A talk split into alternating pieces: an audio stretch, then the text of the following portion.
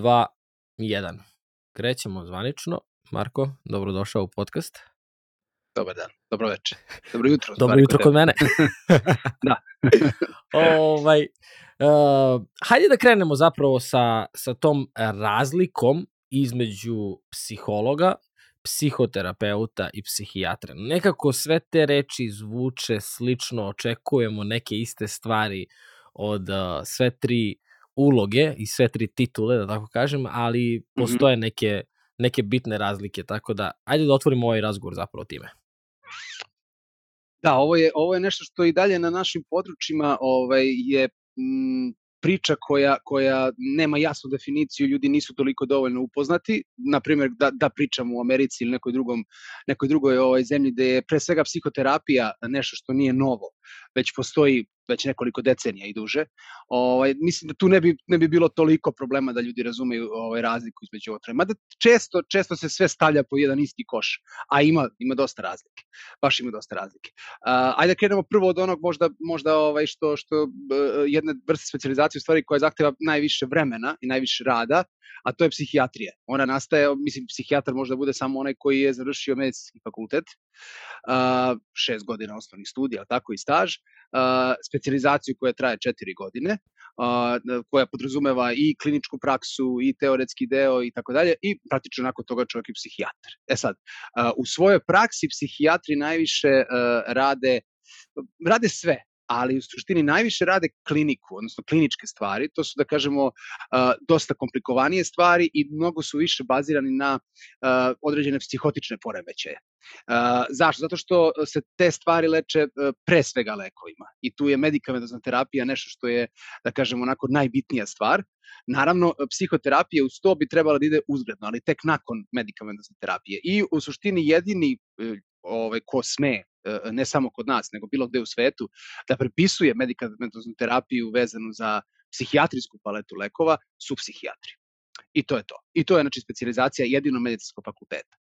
A, psiholozi su ljudi koji su završili psihologiju tako četiri godine osnovnih studija, nakon toga postoji master.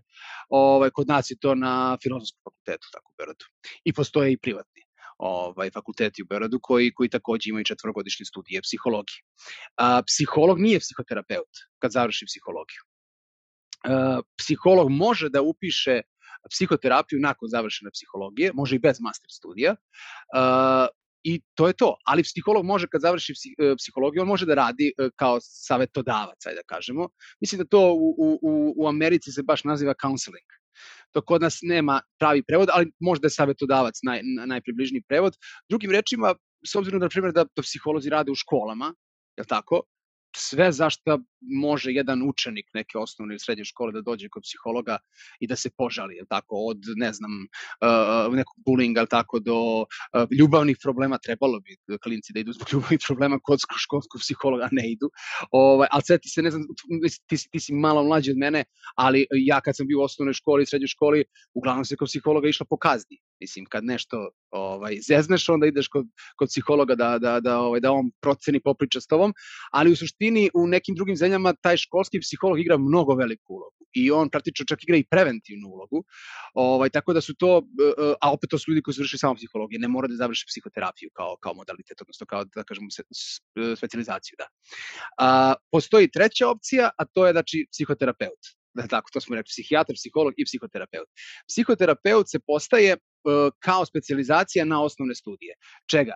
Medicine, psihologije, uh, defektologije ili uh, postoji na fakultetu političkih nauka, tako ovaj, uh, postoji smer za socijalnog radnika. Dakle, ljudi koji završe te četiri osnovne studije mogu da upišu neki od tečaja, odnosno neki od modaliteta psihoterapeutskih, koji uglavnom traju oko četiri godine. Skoro svi zvanični modaliteti psihoterapije traju nekde oko četiri godine i sprovode se u vidu edukacija, ovaj, nakon čega ti postoješ tako psihoterapeut, do duše pod supervizijom. šta to znači? To znači da jedan duži period u stvari koliko god ti hoćeš, ali e, ovaj ima ljudi koji ceo život idu na superviziju, ovaj rade psihoterapiju, rade sa klijentima e, ovaj psihoterapiju i idu na redovne supervizije, u stvari to je da kažemo neke vrste sastanaka između psihoterapeuta i supervizora. To su najčešće iskusni, stariji ovaj, psihoterapeuti, gde se analiziraju slučajevi i nekako dele se feedbackovi i tako dalje, što je super za jednog psihoterapeuta, on u stvari iz toga raste konstantno i, i ne gleda na klijenta samo iz jednog ugla posmatranja, već ima i e, druge uglove posmatranja, dobija nove ideje za rad i tako dalje. Zato je ta supervizija jako dobra. A, ono što je možda najbitnija, ja sam, na primjer, konkretno, ja sam lekar.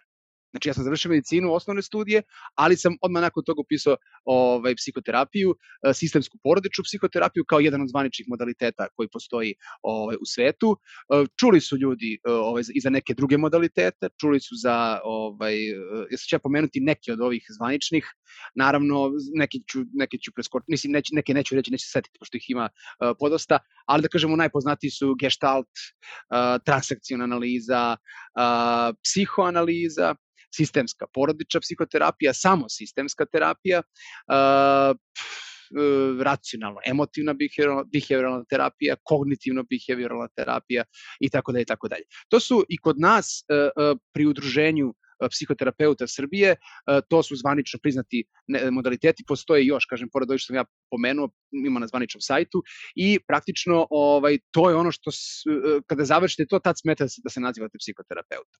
Nakon dve godine položenih studija na bilo koje od tih, ovaj, kako se zove modaliteta, vi takođe postajete psihoterapeut savetodavac, isto kao counseling, što je, što je psiholog, može da bude.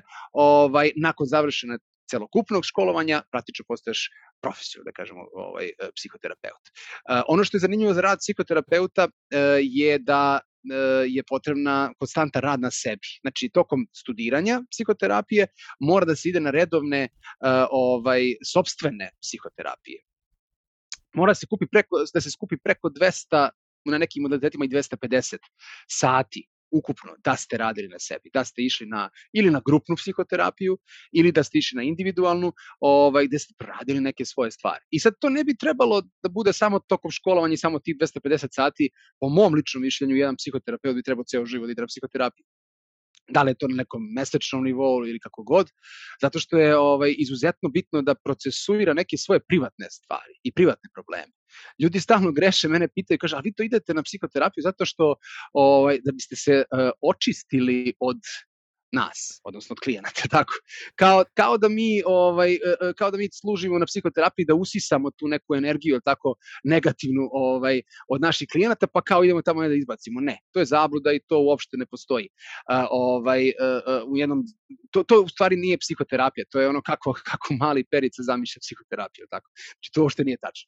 Ovaj, mi u suštini idemo da bismo da bismo mogli da ovaj posao, taj posao nije uopšte lak. Zašto? Zato što je potrebno uh, uh, neverovatno slušanje. Ne aktivno slušanje. Znaš, nam se stvarno govori da morate aktivno da slušate. Šta je pasivno slušanje? Mislim, jer postoji pasivno slušanje. Ili slušaš ili, ili ne slušaš. Ovaj, tako da moraš skoncentrisano da slušaš, aj tako da kažem. Znači da budeš konstantno u terapiji, zato što vrlo lako se, kada, kada, kada terapeut ne sluša, vrlo lako se ovaj to oseti. Morate da pričate, znači morate da imate sposobnost da pričate i sposobnost da procesuirate šta je to sa klijentom i da nekako navodite klijenta na odgovore, na rešenje, kroz pitanja i tako dalje. Da bi to radio jedan uh, psihoterapeut ili bilo koji čovek, on ne može da bude u nekoj dubokoj depresiji, je tako? On ne može da bude u konstantnoj nekoj anksioznosti koju osjeća, za, koju vuče iz kuće, koju vuče, na primjer, iz, iz svoje porodice, koju vuče uh, ovaj, sa nekog drugog posla, na primjer, koji radi, ili koju vuče sa ulice, ili nešto iznerviralo napolje, ne znam je šta. Tako? Znači, ne bi, ne bi smelo to da se oseti na samoj psihoterapiji. Naravno, živi smo ljudi, nismo roboti, niti svi zamišljaju psihoterapeute kao neke robote koji nemaju probleme, koji ne, koje, koje ne dotačinju te psihičke stvari, a daleko od toga, psihoterapeuti prolaze kroz iste te stvari. Ovaj, samo je nekako, mnogo je bolje kad konstantno radiš na tome, ovaj, oseti se to u, u, u, u radu, ovaj, da, da, si, da si odgovorni, skoncentrisani, aktivni u samom poslu i tako dalje. To nije samo na kraju krajeva za psihoterapiju ljudi koji rade neke druge poslove, stresne, ovakve i onakve, i idu na psihoterapiju, kažu da im to pomaže i da im olakšava da rade svoj posao, na primjer. E tako je isto i za jednog psihoterapeuta. E sad, postoji jedna mala razlika, kad se opet, da se vratim na, na ovu podelu, ovaj, koju s početka, je tako, uh, najčešće, uh, da, psih, psihijatar može biti i psihoterapeut. Znači, psihijatar može da upiče neki, neki od tečeva psihoterapije i da praktično u svom radu koristi i određene psihoterapijske tehnike. To najčešće rade psiho, psihijatri koji, se, koji rade privatno, Ovaj, zato što oni u privatnim uslovima mogu da obezbede svojim klijentima sat vremena ili 45 minuta ili 50 minuta razgovora. Uh, psihijatri koji rade u, u, u bolnicama, u kliničkim centrima, na institutima i tako dalje, veliki je velika je fluktuentnost ljudi, veliki je broj ljudi koji koji prolazi kroz kroz ovaj kroz čekaonicu, da kažem na dnevnom nivou. Nažalost tako je i onda oni nemaju dovoljno vremena da se posvete tim ljudima. I onda se zaista sve svede na na određenu ovaj na samo nekoliko pitanja uh, vezanih za problem i na medikamentu terapiju i na redovne kontrole. Uh, to je to je ono što što je što je dosta nekako pa neću da kažem uh, uh, stavilo malko mrlju na psihijatrijsku ovaj struku koja je fantastična. Ljudi moraju da razumeju da da jednostavno ne može drugačije se organizuje kada to pokriva naše zdravstveno osiguranje i kada to pokriva, odnosno kada se to odvija u nekim, da kažemo, tim tercijalnim ustanovama, ovaj, kako se zove, ne pričam o hospitalizacijama, pričam o onim dne, dnevnim bolnicama, da kažem, gde se, gde se vrše kontrole i gde se pregledaju ljudi. Uh, zašto uh, uh, za, zato psihijatri u suštini najviše služe uh, da postave dobru dijagnozu uh, i da postave dobru terapiju. Uh, oni se ređe bave tim razgovorima, kažem više u privatnim uslovima. To više radi psihoterapija i psihoterapija u stvari nadoknađuje taj moment ovaj dugotrajnih iscrpnih razgovora sa klijentima na kojima se ovaj prorađuje ono što je što je dubinski njihov problem. Ja konkretno sarađujem konstantno sa psihijatrima i konstantno imam, imam svog psihijatra s, ko, s kojim ovaj, radim u bukvalno u kolaboraciji, ovaj, gde, gde često uh, klijente za koje procenim da mm, će proces oporavka ići dosta sporije, ovaj, jer je, na primjer, simptom izraženiji, jači, i da ne bi taj proces išao tako sporo, ovaj, ja onda nekako pošaljem kod psihijatra, on pregleda, da terapiju ljudi se vrate kod mene i mi nastavimo da radimo. I često se oseti poboljšanje zbog adekvatne terapije. E, tu je isto jedna, jedna mali tabu oko, oko, oko psihijatrijske terapije u stvari dva su tabua. Uh, kako se ljudi osjećaju od te terapije i druga stvar je zavisnost od te terapije. Uh, ljudi se osjećaju, ne, jako često se osjećaju loše zbog te terapije zbog neadekvatnih doza. Znači mora da se postavi adekvatna doza leka koju, koju, koju određeni uh, ovaj pacijent prima, bez obzira da li on, da li on anksiozan ili depresivan ili bilo šta drugo u pitanju. Uh, zato što sa, e, šta je ključ na psihoterapiji kada dođe klijent? Da može da priča, da može da sluša i da može redovno da radi domaće zadatke. Odnosno, da ono što pričamo na, na psihoterapiji i što se dogovaramo i radimo, da on može da sprovede u delo između dve terapije u praksi, u svakodnevnom životu. Ako on nije u stanju da to uradi, potrebno da, da, da, ovaj, da, da uzima lekove. E sad, ti lekovi moraju biti adekvatno dozirani i, ovaj, na primjer, psihijatar s kojim ja, ja sarađujem uh, uh, fantastično dozira te, te lekove, ljudima ne dozvoljava tako, te neke dugačke terapije koje, koje na kraju vode u neku zavisnost i tako dalje, sve to pod strogom kontrolom, ajde da kažemo, na kraju krajeva. Ovaj, e, I zaista mogu se pohvalim da takav rad u, to, u toj kolaboraciji daje dobre, dobre rezultate. Čak sam i čitao jedno istraživanje ovaj, američkih ovaj, psihijatara, koji pokazuju, na primjer, samo dosta ugrubo, ali zaista je, na kraju kad vuče crtu jeste tako. Uh, ako osoba pati od ozbiljnog anksioznog poremećaja, da kažemo, i, ili nekakve, neću kažem duboke depresije, ali da kažeš de, ajde da kažemo depresije. Nešto između depresivne epizode i, i, i, i duboke depresije. Ovaj, ako, bi se ta, ako bi se te osobe lečile isključivo lekovima, procenat, procenat uspešnosti, da kažemo, izračenja, odnosno poboljšanja kvaliteta života je negde oko 30%. Što znači šta? Svaki treći čovjek koji dođe uh, ovaj, će, će osetiti to poboljšanje. Dva neće. Ni, I nije neka statistika, tako. Ovaj, s druge strane, ako takva osoba dolazi samo na psihoterapiju, isto je negde oko 30% ovaj, uspešnost uh, uh, uh, izlečenja, da kažem, po znacima navode izlečenja, jer ovde nema izlečenja klasičnog, nego je to poboljšanje kvaliteta života i bolje nego što je bilo pre. U kombinaciji adekvatne terapije i kontinuirane psihoterapije, taj procenat se penje na 70% što je već odlično. I to je zaista nešto što i ja mogu da potvrdim u praksi kada su u pitanju ova, dva poremeće. Naravno, mi ne radimo samo anksioznosti, ne radimo samo depresije, čak najveći deo posla kojim se ja bavim nije ovo, nego, je, nego su najčešće bračno, porodični problemi, problemi u vezama, familijarni problemi, ovaj, problemi bilo kakvih, e, kakvog tipa relacijskih odnosa, neke vrste fobija i tako dalje. To je ono što, što ja makar u svojoj praksi ovaj, najviše srećim, najviše radim. Kažem, ja sam, ja sam i sistemski porodični psihoterapeut, ovaj, tako da se e, iz te perspektive i sistemskog pristupa i porodice s jedne strane, odnosno porodice, kad kažem, odnosno relacijskih odnosa, ovaj, e, mnogo više bavim time. Ali ne zaobilazim iskreno ni, ni, ni anksiozne depresije koje su danas postale svakodnevnica, svakodnevno, bukvalno. Da, da, ja kad sada razmišljam, kad sam ja imao 15-16 godina, ovaj, nisam ni znao reč anksioznost. Kao, nije, da. nije, nije mi bila poznata, a ono danas deca ili tinejdžeri koji imaju 15, 16, 17 godina tvrde da imaju anksioznost, znaš. Tako. Tako da ovaj, vremena su se baš, baš promenila što se toga tiče. I sad spomenuo si mnogo stvari i detaljno si mi objasnio razliku između psihijatra, psihologa i psihoterapeuta.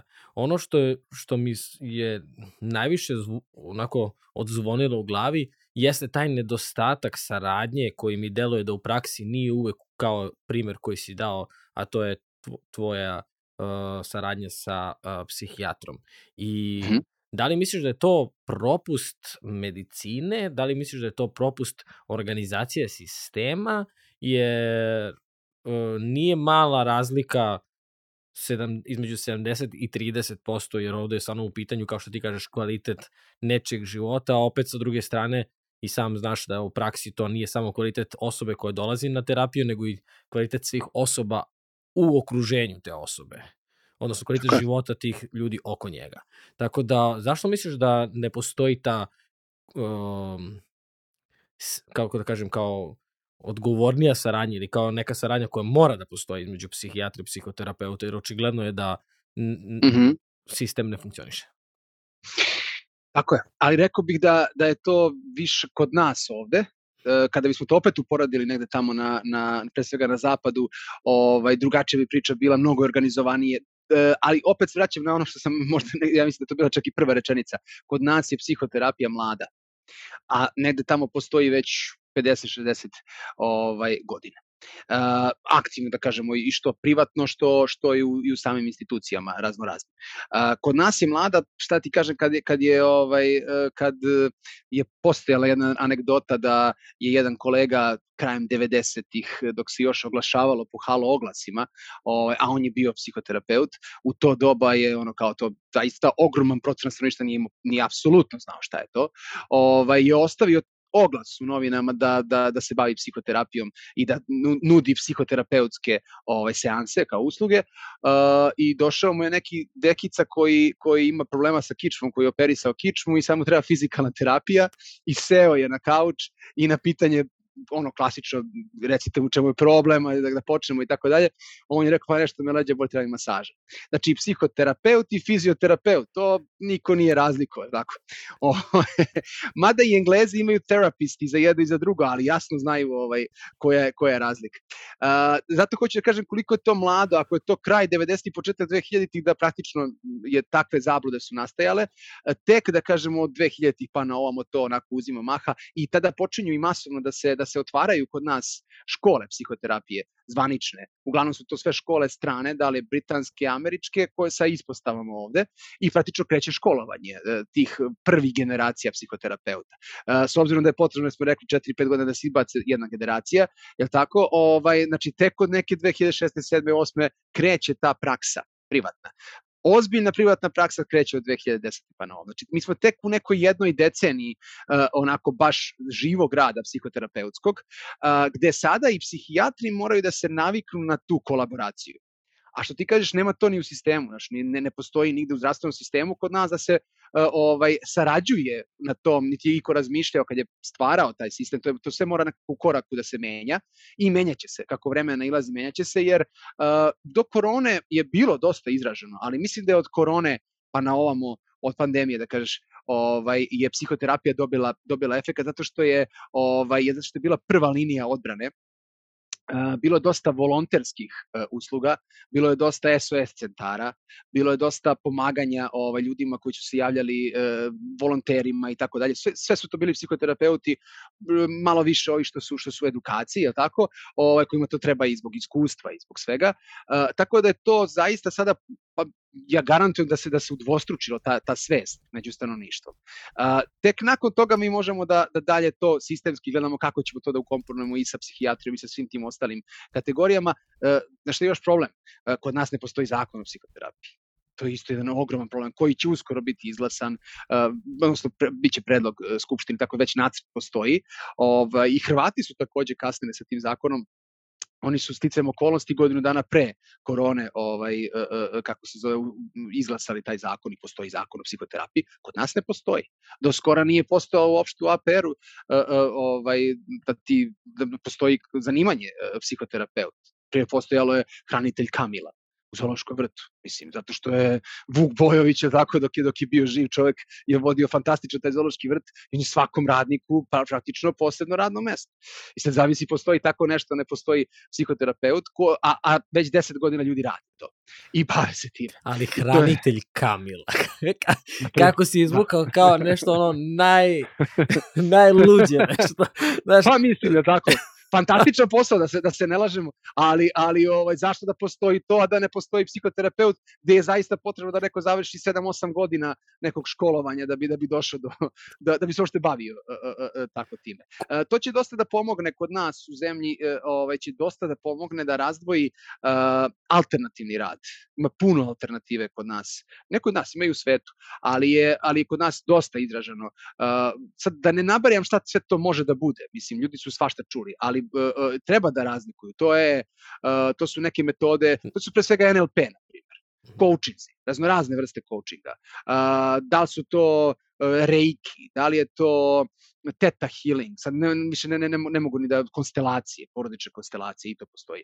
I tako dalje. To su sve alternativne metode koje nisu zvanično naučno dokazane i nisu priznate na svetskom nivou, pa samim tim nisu ni kod nas. Znači, to nisu psihoterapeutski modaliteti. Da li oni rade, da li ne rade, kako funkcionišu i ostalo, uz izuzetak coachinga i NLP-a, koje su nekako, da kažemo, ovaj, totalno drugačija priča nastala iz, iz uh, američka priča, da se razumemo, ali u Americi je to fantastično organizovano i to je potrebno ozbiljno školovanje, ozbiljno edukovanje, ozbiljno, ovaj, i oni imaju neku svoju ciljnu grupu kada se ti ljudi koji se bave time drže te svoje ciljne grupe. Da li je to poboljšanje, uh, pre svega se radi na poboljšanju dnevnih aktivnosti, da kažem, odnosno koncentracije, Ciljeva, organizacije, fokusa, ciljevi, je. fantastično je za korporacije, fantastično je za, za, za te ljude koji rade u korporacijama koji, kojima je potrebna motivacija, kojima je potrebno sagledavanje te analitičnosti, sistematičnosti i tako dalje. Odlična stvar, ali to je otprilike ta ciljna grupa coaching, trebala bi da bude ciljna grupa coachinga, NLP-a i tako dalje. Ono gde oni ne bi smeli da ulaze i pravi ljudi koji su odgovorni u tim, na tim pozicijama, zaista, zaista to i ne rade, to samo rade izuzeci, koji očigledno ovaj, se malo pogube u celoj toj priči, oni onda počnu da rade sa ljudskim patologijama, odnosno sa, sa psihološkim patologijama. I, na primjer, pokušavaju da leče aksioznost, pokušavaju da leče depresiju i tako da, tako da. Ja savetujem svima koji, se, koji, koji to rade da se u to ne upuštaju, jer to je pre svega velika odgovornost. Na stranu taj etičko-moralni kodeks i tako dalje koji je priča za sebe i koji je jako, jako bitan, ali zbog tih ljudi ja ne bih nikad savjetao da ulaze, da ulaze u tako, tako duboke priče koje vuku korene negde iz prošlosti, koje vuku nekakve traume i tako dalje i tako dalje. Zašto? Zato što može se desiti da se zabrlja u celom tom procesu, da se dekompenzuje ta osoba, što se jako često dešava i onda se onda dolaze na psihoterapiju ljudi koji su išli na nekakve alternativne metode raznorazne. Ja kad čujem ne, ne mogu prosto da verujem šta sve postoji.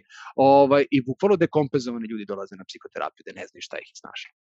Ja slažem se sa ovim što si rekao, ali moram samo jednu stvar da ti kažem da se ne slažem, a to je da to ne radi izuzeci, nego ja mislim da mnogo veći broj ljudi radi to na pogrešan ja, način. Da, budem, da su, pokušam da budem nežan. Da, da, da. Ne, ne, mislim da pogotovo kad sam prešao ovde, i uh, kada sam pričao malo sa, sa nekim ljudima koji su dosta uspešni koji uh, ne znam kao moja perspektiva se mnogo promenila i neke, neke stvari, ne samo u pitanju cifara su se promenile, nego samo u, u, u ideji šta možeš da uradiš. I uglavnom ovde je coaching opšte prihvaćen I ne pravi da. se uh, ne pravi se ta zabuna kao kod nas da će tu coach da te uči životu, da će coach da ti pomogne da ne znam nija šta prevaziđeš, nego upravo ovo što si ti rekao, coachi se koriste, coaching je dobar alat i prihvaćen je alat ovde, a to je ono što se desilo kod nas, ali mislim da je tu malo i zabuna oko izraza koji se koristi, plus postoji ta nešto, ako je psiho, terapeut mlad kao, kao nauka, uh, onda coaching je još uvek beba, zato što nikoga ni yes. ne razume šta priča. E, znaš. Yeah. Tako da ovaj, mislim da je tu došlo do dosta zabuna i plus ono što isto kao jako važna stvar da ljudi koji se ovde bave coachingom e, su uglavnom ljudi koji su uspešni naravno, su uglavnom ljudi koji imaju biznise i koji to ne rade samo da bi zaradili. A kod nas je nekako coaching bio, a ja ću sad sedim kod kuće da zarađujem pare preko Tako interneta. Je. Znaš, Tako i je. ja zato ja mnogo volim da pričam o ovim stvarima zato što se skroz slažem sa tobom da uh, ako, ako neko radi coaching na na jedan neodgovoran način i na način na koji stvarno možeš da propasiš nekome, da ga više zbuniš i da ga poremetiš nego da mu pomogneš, mislim Tako. da ono, stvarno treba malo da se razmisli, jer na kraju krajeva ni, niti ti imaš odgovore za mene, ti ja imam odgovore za tebe. I ako bismo se ti ja sad igrali da ja tebe mogu da spasem život i da ti kažem šta ovo i šta ono, znaš, kao, mislim, ti, ti, ti ja se sad smeškamo na ovo, ali ti imaš ozbiljne ljude, na, ja to vidim na Instagramu kad mi neko pošalje poruku ili tako nešto, uđem kod njega, on rešava svima, ma sve zna. Pa, yes, pa yes. kako? Pa mislim... to, je ta, to je ta čuvena pozicija, uh, pozicija moći.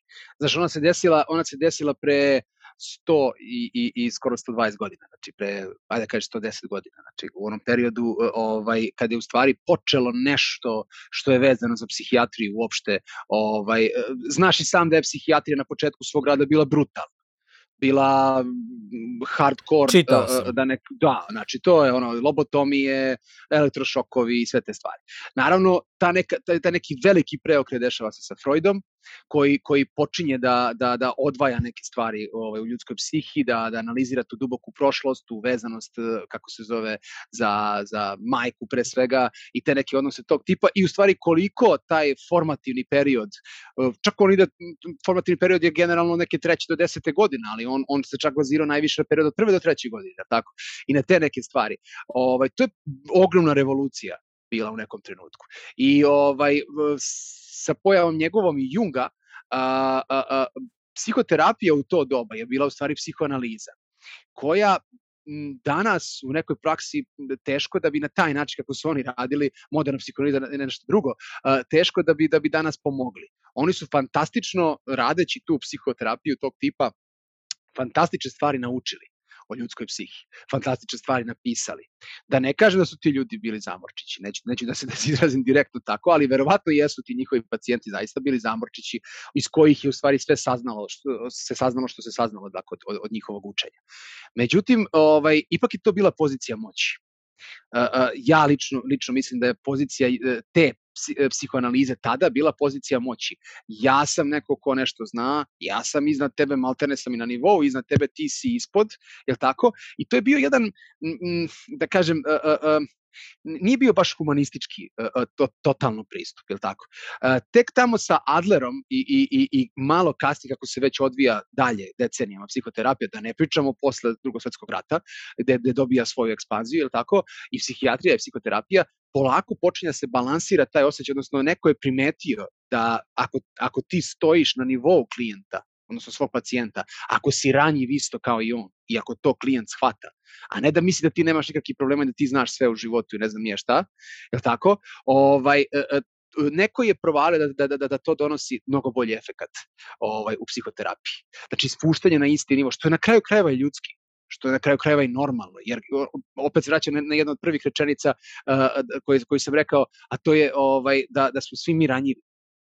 Čak Irvin Jalom, čuvani psihoterapeut, kaže, kaže ovaj, najbolji psihoterapeut je ranjeni psihoterapeut. Znači onaj koji je proživeo depresiju, koji je proživeo anksioznost, koji zna šta znači ovaj, izgubiti nekoga ili ne znam nije šta, koji je tu traumu već, već lično iskusio, on fantastično može da se osjeti i da, i da ovaj, bude u empatiji sa svojim, sa svojim klijentom. A to apsolutno ne znači pozicija moći. I to mislim da psihoterapeuti danas, a upravo tu jeste razlika, odlično si to primetio, nekako uh, većina što ko, koučeva, što samo prozvanih, da kažemo, koučeva, ovaj, se, ispo, se ovaj, postavi prema klijentu u poziciji moći. I njihovi, na primjer, Instagram profili upravo zvuče kao ovaj, rešavam čitav niz problema, tako, ovaj, samo me slušaj šta da radiš i to je to.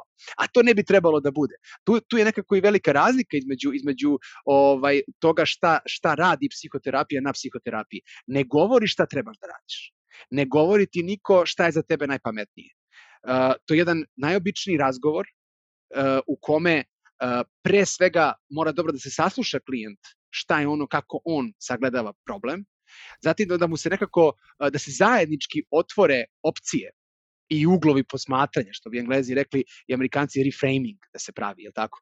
I praktično onda klijent obogaćuje te neke opcije u svojoj glavi, ali na kraju odgovornost je na njemu odgovornost je jako bitna u tom relacijskom odnosu. Nije bitno sad da li je coaching ili, ili je psihoterapija, ne znam nije šta.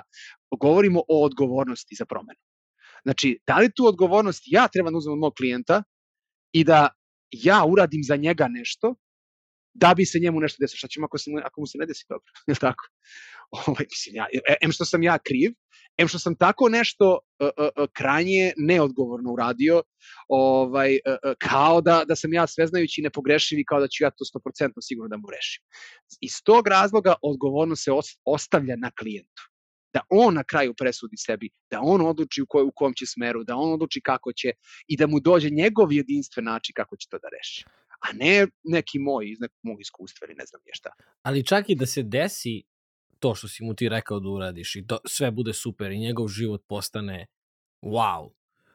I dalje je njegov život u tvojim rukama jer on zna da se to desilo jer si mu ti rekao. Što je opet kao mač sa dve oštrice Jer da li si mu zapravo pomogao ili si mu, ili si mu poslao onako direktnu poruku bez mene si niko i ništa.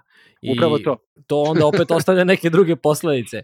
Ja sam. Doći će ja... i drugi put i treći put da Tako mu je. ti rešiš.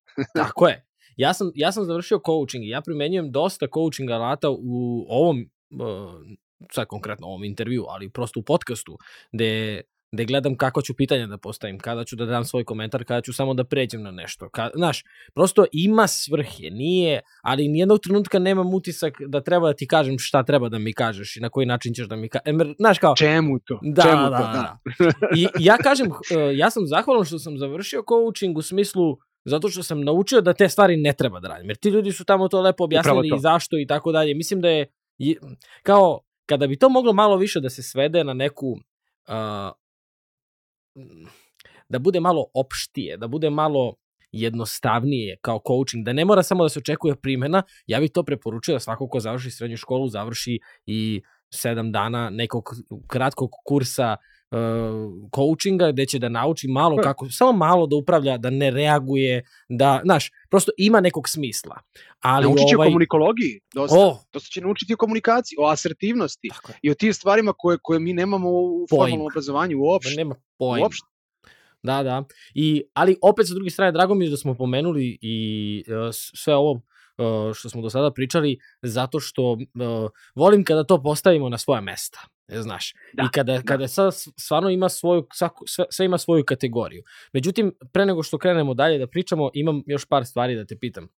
A to je, uh, s obzirom da se pojavilo, da se psihoterapija pojavila kod nas, rekao si u poslednjih 10 godina nekako je tu, tu, baš tu, uh, da se izbaci ta prva generacija, da, da to sve počinje da uh, ima više smisla, da ljudima bude jasnije i tako dalje. Da li to znači da mi ranije nismo imali toliko problema sa anksioznošću i depresijom, pa se nije pojavilo kod nas, nego se pojavilo u svetu 50-60 mm. godina ranije. Da li misliš da je to zato što nismo, to nije bilo doba interneta, nije sve tako brzo prelazilo kod nas i tako dalje, ili misliš da smo mi to nekako rešavali mm, na drugačije načine. Znaš, sad kad razmišljam, ne sećam se da mi je moja baba ikada rekla da ima da se osjeća depresivno i da je bilo šta teško. Nekako mislim kao naši ljudi su ono ustane i radi.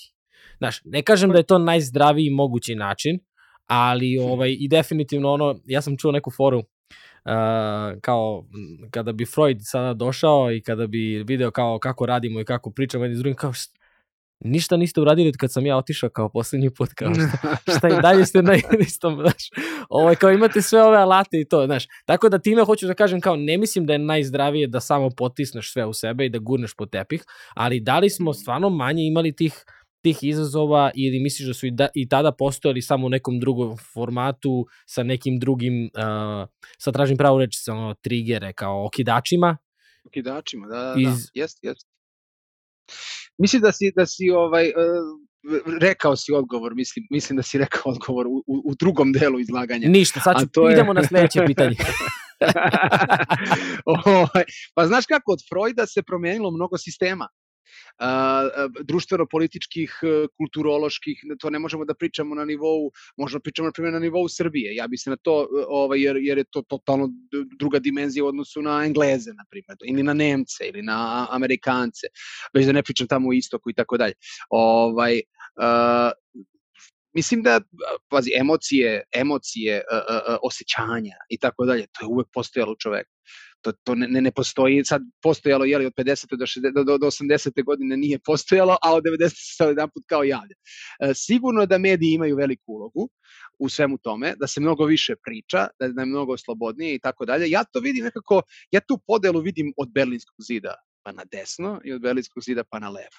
Ovaj, jer šta smo imali pre, pre Berlinskog zida, smo imali tako jedan, jedan uh, uh, utice komunizma, je tako, sa posebnom jednom ideologijom i filozofijom, je tako, filozofijom Marksa, odnosno dru, nekom, nekom totalno drugom uh, ovaj, socrealističnom, pa realističnom, racionalnijom, ajde da kažemo, da se mnogo više forsirao racio nego emocije.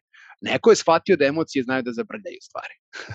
Zato što su emocije a, a, a, zaista primalna stvar. To je nekako nešto s čime smo se mi a, evolucijski rodili, odnosno evolucijski studije to postojali kod nas i kod, i kod drugih životinja i tako dalje, kod primata. Ovaj, a, I nekako tek kasnije se u našoj evoluciji stvara neokorteks odnosno taj deo mozga koji, ajde da ga nazovemo racionalni deo mozga, odnosno mozak, mozak koji počinje da misli i koji bi trebao tu, kažem trebao bi, jer nije u potpunosti, da kontroliše te emocije, vidi šta sa njima, da ih ili malo uspori kako treba ili malo ubrza ako treba i tako dalje. Naravno da on to ne, ne radi kako treba mislim, trenutno smo mi na tom stadijom evolucije, kad to nije u sinhronicitetu, da li će nekada biti u budućnosti, ne znam, da li ćemo ostati kao vrsta, pa će nekada to biti na nekom boljem, boljoj sinhronizaciji, to je sve pitanje. Ali, očigledno da je neko u toj filozofiji provalio da racional, racionalnost je tako, ako si više racionalan, ako si više, što bi rekli kao ono na, na zemlji, realistični, je tako, onda si produktivni na neki način. I to je bio zaista jedan period produktivnosti, svašta se pravilo, tako, tu, tu su nastale sve moguće neke mašine, neka ludila i ne znam je šta.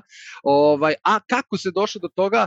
Pa ne bi moglo tako lako da se dođe do toga kad bi svaki e, radnik kukao na anksioznost ili se žalio na anksioznost i ne znam nije šta. Nego je šta bilo, uslovno rečeno, sad malo grublje pričam, potisnuto Znači, emocije su bile potisnute pozadi. To ćeš čuti, upravo si dobro pomenuo babe i, babe i dede, tako to je generacija naših baka i deka, ovaj, gde je bilo kakva anksioznost, uzmi radi šta se plašiš, idi kopaj, jel tako? Ili idi uzmi čita, ili idi uzmi uči, pa nećeš biti ovaj, anksiozan ili nećeš biti depresivan. To se tako nije zvalo kroz te reči, nije se to govorilo depresivno, nego je bilo tužan, jel tako? Ovaj, anksiozan je više bilo kao plašim se strah. I to je na neki način ovaj, zaista društveno pa praktično bilo zabranjeno. Mislim, da ti, da ti o tome pričaš, da, da se od toga lečiš, kamo li da se lečiš od toga. Psiholozi su, pa da kažemo, od nekog drugog svetskog rata pa na, pa na ovamo, da kažeš, do nekih 90-ih, pa čemu su služili psiholozi ovaj, u, u, u ajde da kažeš, Jugoslaviji? ovaj, za neki pregled tako na, na ovaj domu zdravlja kada treba da dobiješ vozačku dozvolu ili tako nešto. Eto, čisto da uradiš neki test i, i, i to se to, završavalo sam tome. Postojali su psihijatri, ali su oni lečili baš ozbiljne duševne bolesnike I, ovaj, I onda se znalo, čak se to nazivalo, kad, kad si lud, lud si ideš kod psihijatra, što je tako, to je tako postojalo međunarodno. Znači, kakva, nije, nije se znalo za tu neku sredinu, da postoji nešto da čovek nije lud, mislim da se razumemo, nego, nego jednostavno ima neurotični poremećaj. Znači, to je ono što se naziva psihoza, ono što se naziva neuroza. Neurozama se više bavi psihijatrija, pardon, psihoterapija, a psihozama se više bavi ovaj, psihijatrija. I onda se dešava ovaj, iz takvog jednog načina života koji traje, traje, traje godinama, ovaj, se dešava taj liberalni preokret, je tako? Od, od 90. pa na ovamo, pogotovo u Evropi, ali dešava se i kod nas. Jeste, mi smo imali 90, imali smo rat, imali smo taj, tu tampon zonu, ovaj, nic smo levo, nic smo desno, ne znamo ni sami gde smo, je tako? Pa onda imaš od 2000. apsolutno, ovo je, Srbija je ovaj, demokratska, tako, liberalna zemlja, mislim, postaje, postaje liberalna zemlja. Prati trend sa, sa zapada. A, automatski, ovaj, kako se zove, počinje da se o tome više priča. Što ne znači u Americi se o tome pričalo i pre 40 godina i pre 50 godina. Isto ko što se priča danas. Možda se danas malo više priča o, i potencira na tome. Ali e, ja vidim tu prevagu u jednom momentu da počinje da se, da se razgovara o tome, da se priča o tome, da se podiže svest kolektivna o tome i da se nudi neko rešenje toga. Kad si pomenuo ovaj fazon sa internetom, odnosno da li je to neki bio quote ili mim, šta je već, ovaj, kaže, kaže meni moj deda ili kaže meni moj stari, ovaj, kako smo mi to u naše vreme ovako ovako i šta nam fali. A odgovor dole kaže, pa mnogo ti fali, samo nisi svestan. I to je danas, danas mi primećujemo, znaš, i ti, i ti, i ti ovaj, kako se zove, u svom poslu, uh, i ja, pogotovo u mom, ako, a ja ako hoću, ja, ja ću svakome da vidim patologiju, to nije fora, mislim, to uopšte nije, nije zanimljivo. Ali e, sigurno da i ti primećuješ patologiju svojih roditelja. Da kad analiziraš svoje baki i deke, vidiš ozbiljnu patologiju nelečenu određenih emocija, određenih stanja. Ne vidimo, ne, ja makar ne vidim među tom starijom generacijom, ne vidim svest o, o, o ono što mi nazivamo transgenetskim prenošenjem, odnosno ono što se prenosi kroz rodoslovno stablo. Ta svest, o tome određeni paterni, određeni, određeni načini ponašanja koji se bukvalno prenose kao copy-paste sa prababe na, na babu, na, sa babe na mamu, s mame, evo ga, evo ga u ovoj generaciji. Znaš i, i niko to da osvesti i niko da tu razdvoji žito od kukolja, šta je tu uh, bilo možda pogrešno, šta je bilo dobro. Bilo tu i dobrih stvari. Pa da ti danas u današnjoj generaciji kažeš na šta, ja želim za moje dete, ne želim da mu priredim ovako nešto. Ili želim da, da održim ono što, je, što sam naučio od mojih roditelja. Znači, ta analitičnost tog tipa, to tek kreće, da kažemo, u poslednjih 30 godina, makar u ovim našim generacijama. malo je tu žrtveno jagnje generacija 80-ih, ajde da kažemo, ovaj, da je to odlična generacija, jer to je, to je generacija koja pamti klikere, a fantastično se snalazi na mobilnim telefonima i na, i na kompjuterima, za razliku od generacije pre te koji samo znaju klikere ili tako, a na telefonu ono, nabadaju, ovaj, a ovi milenijaši, oni ne znaju šta su klikeri i, i, i, i još malo pa neće apsolutno dati. Gde znači smo mi iz 90-ih? Ja se sećam klikera, A... Pa početak 90. Kad kažemo 80. generacija, Aha, mislim okay. na ono 75. do 95. od, od 75. do 95. Na okay, da, već od 96. 7. 8. Ovaj, mobilni telefon igra veliku ulogu. Kompjuter manje više, jeste, kompjuter je bitna, bitna stavka, ali mislim da je, da je mobilni telefon napravio mnogo veću a, revoluciju u, tom, u toj promeni psihičkoj, e, e, u, psihičkom stanju ljudi. Drugo, mobilni telefon je danas glavni krivac što se, sad slagaću ove podatke, ali tipa ako je čovekova prosečna pažnja bila 30 ili 40 sekundi, sada je pala na nekih 20 sekundi. I ti maltene danas nemaš šanse da čitaš knjigu a da nakon četiri strane ili dve strane ne pogledaš u telefon da li stigne neka poruka, ostaviš to pa nastaviš čitaš knjigu. Znaš. To nije ovaj, ranije postojalo kad nije bilo mobilnih telefona, toliko medija, toliko ovaj, oduzimača pažnje, ajde da kažem, fokusa. Uh, samo hoću da te vratim na jednu stvar koju si rekao ovde, a to je da je ranije potiskivanje emocija, odnosno priznavanje tih emocija je bilo nekakva vrsta sramote, možda čak nije ni bila opcija, jednostavno ljudi nisu pričali o tome. Ja to sada kad si rekao da primećam neke stvari kod mojih roditelja, mogu da primetim da se ne priča mnogo o nekim emocijama, da se nekim putevima ne ide i to je prosto, znaš, kao opšte prihvaćeno, ok, to je tako. Međutim, mm -hmm. Po, meni deluje sada, ti me ist, želim da čujem tvoje, tvoje mišljenje baš iz tvoje konkretno prakse, meni deluje da je to od sramote i ćutanja došlo do trenda gde je postalo neka vrsta uh, slike o tebi, tvog brenda, tvog imidža. A, ja imam anksioznost. A ja im, to se sada, da li stvarno, ja sam uh, ovaj, uh, snimao i podcast uh, dva puta zapravo sa doktorom Slobodanom Simićem iz Palmotićeve. I Mhm. ovaj, mislim da više stvari, da li je Palmotićeva sad, su, možda su i menjali ulicu, nebitno, ali svi znaju, o, u Beogra, Beograđani znaju je. Palmotićevu. I ovaj, sećam se kad sam prvi put išao da snimam i kaže meni tata, rekao, nemoj mnogo da pričaš kao o sebi, znaš kao, da, Da, te ne ima- zadrže, znaš, Ima istina. ali ovo, hoću ti kažem, ta, ta šala kao psihijatri samo ko je lud i sve to, Mhm. znaš, prosto ima a, u svemu što si rekao, u svakoj reči, ovaj, po, sam mogao da, viš šta ti pričam kroz osmeh, sam mogao da prepoznam neke određene stvari iz mog okruženja, iz mog života, znaš, ali ovaj, ta- ta, razlika između ćutanja do, do toga da se hvalimo time i da time opravdavamo naša ponašanja i neponašanja je otišao neki taj drugi ekstrem. Kako da se vratimo na neku tu zdravu sredinu, da stvarno ljudima kojima je potrebna pomoć dobiju pomoć, a da, da, da prosto ne mešamo babe i žabe, da tako kažem. O- ovo je tema, e, e, da kažemo, tih ekstremnih odlazaka iz krajnosti u krajnost, u kojima smo danas svedoci neverovatno. O, a samim tim i, i u ovoj tematici koju si, koju si ti pomenuo, iz razloga što, što jednostavno, da, čuo sam ja e, skoro da, da, je, da je jedna tinejdžerka ovaj, išla kod, kod, kod psihoterapeutice jedne i, i pričala sa njom, ovaj, dugo su je slali, nisu znali šta je sa njom i tako dalje. Na kraju je to diagnostikovano kao neka vrsta početka bipolarnog poremeća ili tako nešto. I ona je došla u školu i, i, i, i sva srećna ovaj, pričala drugarima kao, e, ja sam bipolarna. kao. Ovaj, upravo to što kažeš, odlazak iz jedne krajnosti gde, gde, gde to bio tabu i sramota pričati, danas se hvalimo s tim dijagnozima, dijagnozama i tako dalje. E, Čak to može da ide do te krajnosti da se koristi kao opravdanje. Amerikanci imaju su imali ozbiljan problem uh, uh, ovaj kao upravo neko ko je možda i, i na svojoj teritoriji u jednom trenutku i dozvolio uh, uh, taj ekstremni da se ek- da se ekstremno priča o tome i da to postane maltene trend ovaj do- došlo do toga da su masovno ljudi uzimali uh, ovaj neplaćene ovaj kako se zove odnosno plaćene ovaj bolovanja uh, uh, i nisu dolazili na posao dijagnoza anksioznost, dijagnoza nešto, nešto tog tipa, tako? I onda su poslodavci videli da gube novac, da ne mogu da, da, da, da opstanu kroz taj na, na taj način i zbog toga su uveli neke regulative, tako da ne može sve i svašta da se podrazumeva pod to, nego moraju da postoje neki kriterijumi šta i kako.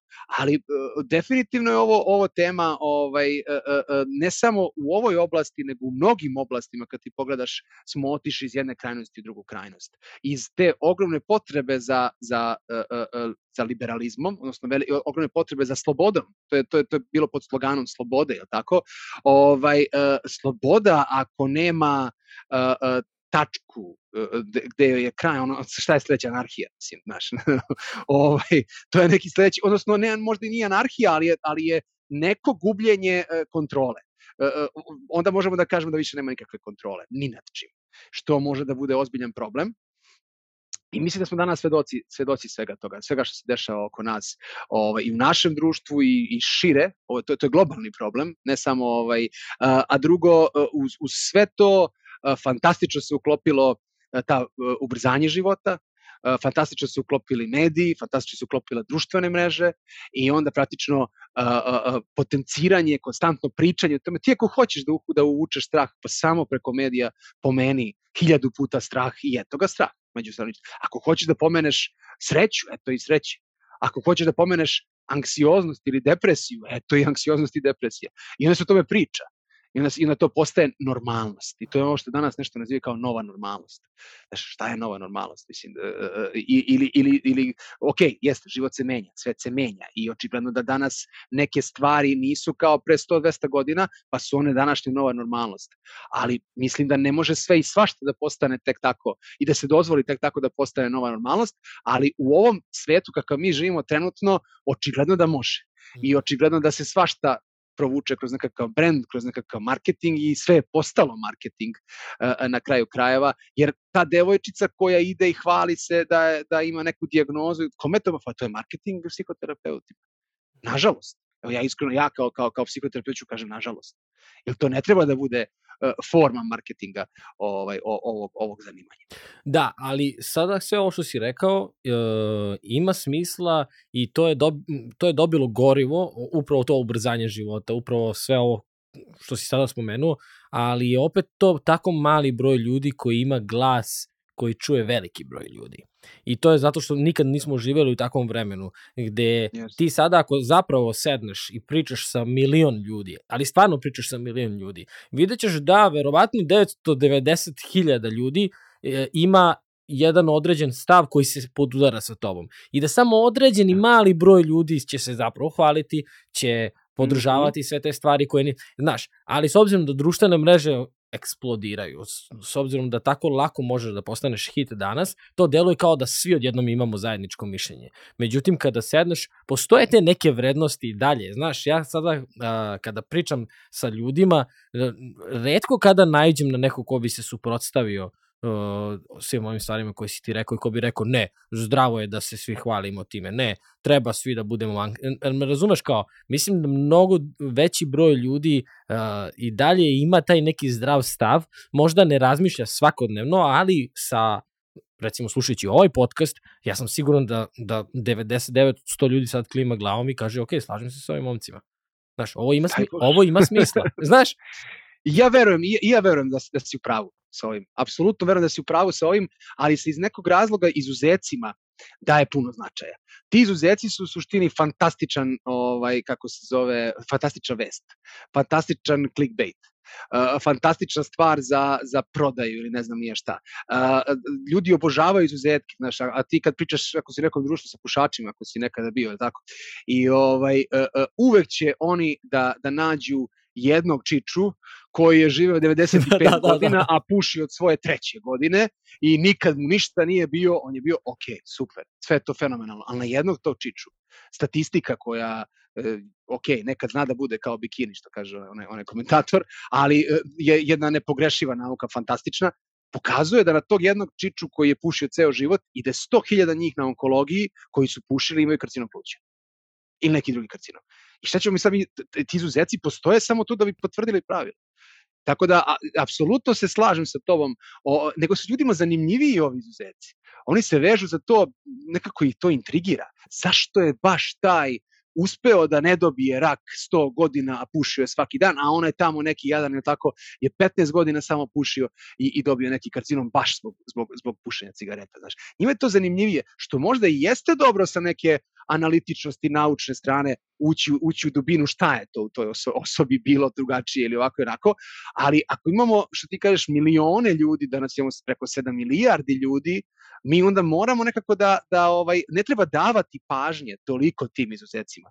Misli da ti izuzeci, i to se apsolutno pravo, usporavaju tok usporavaju napredak bilo kakve vrste, usporavaju uh, uh, nešto što je što je evo nauka na primjer. Koliko se usporava danas nauka? Više više nego ikada. A koliko smo stvari dobili naukom, to, to, to zaboravljamo, je tako? Ok, daleko od toga da nauka nije pravila neke greške i da u svoj tom celom procesu ne pravi greške. Ali, ali u toj podršci, da kažemo, u tom nekom prosperitetu, ako je šta napravilo preokret na, u, u, gledajući psihoevoluciju ili generalnu evoluciju čovečanstva, Znaš, ta, ta nekako naučna revolucija je napravila najveći obrt ovaj, u, u, u tom nekom, ovaj, kako se zove, prosperitetu o, ove planete i ljudi na planeti i tako dalje. Mislim da, mislim da, ovaj, uh, uh, mislim da si u pravu. Mislim da si u pravu apsolutno sa tim. Otišli smo sada, hoću da se vratim na emocije, samo imam komentar na ovo što si sad rekao, a to je da uh, su samo, možda se promenila ta neka uh, lista vrednost je zamenila neke stvari, gde ćeš sada više da tapšeš ljudima koji igraju na TikToku, na primjer. Ovaj, uvek se stavljam u nezgodnu situaciju kad spominjem TikTok, jer nemam TikTok, znaš, i možda ću za mesec dana ja da igram, znaš, sad mi je glupo da pričam da neću, tako da, šalim se, ali ovaj, kao, svi aplaudiramo tim likovima što nešto rade na TikToku, ne znam ni ja zašto, a uh, taj uspeh je kratko trajan. Znaš, uvek ćeš da pamtiš, mi pričamo generacijama o Nikoli Tesli, verovatno nikad nećemo prestati da pričamo o Nikoli Tesli. Ali ja ne znam ko je 2017. objavio neku popularnu pesmu koja ima reči ja vozim Ferrari, moja mala vozi BMW. Jer me razumeš kao, ja ne znam sada tog lika više, jer je to glupo, je. jer je to nebitno. Ali tog leta su svi aplaudirali njemu ili njoj, nebitno je. Znači, kao, uh, mali broj ljudi koji ima veliki domet, ali oni su kratkotrajni, oni se konstantno menjaju. Svakog meseca je neka nova faca po, poznata i popularna i sutra je već nema. Ali kad praviš neku pravu vrednost, mislim da će to da stoji i mislim da polako, mislim ja polazim uvek od sebe. Ja sam voleo da ono, vrtim Instagram i društvene mreže, to mi je bilo wow, naš, sad hoću da, na, ja sada imam određeno vreme kada ću da, da se zabavim malo i da vidim smešni neki klip ili tako nešto, ali većinu svog vremena hoću da provedem dok čitam nešto, hoću da, da gledam, da kontaktiram ljude koje, sa kojima, kao što si ti, sa kojima hoću da pričam, koje hoću da upoznam, čije, čije stavove hoću da čujem. Znaš, prosto moje korišćenje interneta se menja. Gledajući ko sve gleda ovaj podcast i sluša, ja sam video da, ček, pa kod nas postoje, pa nema da mi neko kaže da su sada mladi glupi, pa nisu. Pa mla, meni mladi pišu Meni mladi Absolutno. daju savete koga, koga da zovem. Jel me razumeš kao, ne, nije tako. Da, postoji određen broj ljudi koji ovo ne interesuje. Veliki, verovatno, broj ljudi koji neće ovo sluša. Ali postoji veliki broj ljudi koji hoće ovo da sluša. Tako da, znaš, neću da, kao prosto gen, ja, da se ne generalizuje ništa, znaš. Apsolutno, ja imam neke prijatelje koji, koji, koji toliko kukaju na Instagram, ovaj, kao, ma, ono je budalaština, ovo, ono, što ti je budalaština? Pa, brat, samo neke gole žene, samo neke, neke se slikaju se tamo i ovo, Pa nije tačno, nego si ti to zapratio. Da. da. Znači, mislim, znaš, algoritam ti daje ono što ti tamo tražiš, mislim. Je li tako? Ti da si išao na, na, na, na, na primjer na, na, na nešto što je, što je zanimljivo, što je edukativno, što, je, što su primjer fotografije, jer Instagram je nastao kao fotografija, tako kao da postaneš fotograf, ovaj, pa je preraslo čak i u neke edukativne forme. Ti ako forsiraš to, tebe će algoritam da gađa sa tim, pa nećeš gledati ovaj, kako se zove gole žene ili ne znam nije šta. Ili čak ni smešne klipove, mada, mada i to skroz ok. Mislim, bukvalno može dobiješ ono što tražiš. Tako je, tako je podešeno. Ok, ja ću, u, u, pogodit će ti reklama u sve to, ali to je sastavni deo današnjice, mislim. Ali mislim da nema razloga kukati na te stvari, ovaj, jer ima i korisni stvari. Evo, prije taj TikTok, baš što si pomenuo, ja, ja sam ga otvorio pre mesec dana. Ovaj, i, to, I to sam zato, samo zato što, što sam čuo da, da, je, da je algoritam mnogo drugačiji od Instagrama, da je, da je povlači, ovaj, kako se zove, iako nemaš pratioce i tako dalje, jako zanimljiva forma. Ovaj, međutim, uh, zaista ima brdo budalaštine, ali ja, ja, ja sam uhvatio sebe, to mi se nikad nije desilo sa Instagramom, sa Facebookom, da sam ostao sat vremena li, ovako sa palcem, jedan po jedan klip i da nisam možda imao predstavu da je prošlo sat vremena. Isto. Ja sam, ja sam gledao tri sata. Tri sata, ne zazam se. Instalirao sam aplikaciju, postavio sam, prošlo je par, postavio sam nešto, prošlo je par dana, ja sam imao na tom pregledu 80.000, to je bilo na početku, pre možda godinu dana, kad da. je to krenulo, 80.000 pregleda. I ja sam gledao, meni to bilo tako zanimljivo, koja šta drugi ljudi rade, tri sata, ja sam samo obrisao, rekao ovo nije za mene, nemam kontrolu. Velika navlakuš. Da, Velika da, da, navlakuš. ozbiljna priča jeste da sam naučio četiri fantastična recepta, da sam oduševio moju ženu kući, ovaj, kako sam spremio određenu, određenu klopu, ovaj, ali sad, na primer, me već napadaju samo takvi klipovi, što je dobro. Daju mi ideje šta može se spremiti hrane. Tako da ipak dobijaš ono što tražiš. Da, I da. u životu i, i, i izgleda i na društvenim mrežama. Slični su algoritmi. Hajde da se vratimo na, na emocije i na, mm. ovaj, pre svega hoću da mi objasniš, rekao si sistemska porodična terapija. To je ono Aha. čime se ti baviš i to je ono, da. uh, to, tvoj praktičan rad sa, sa ljudima.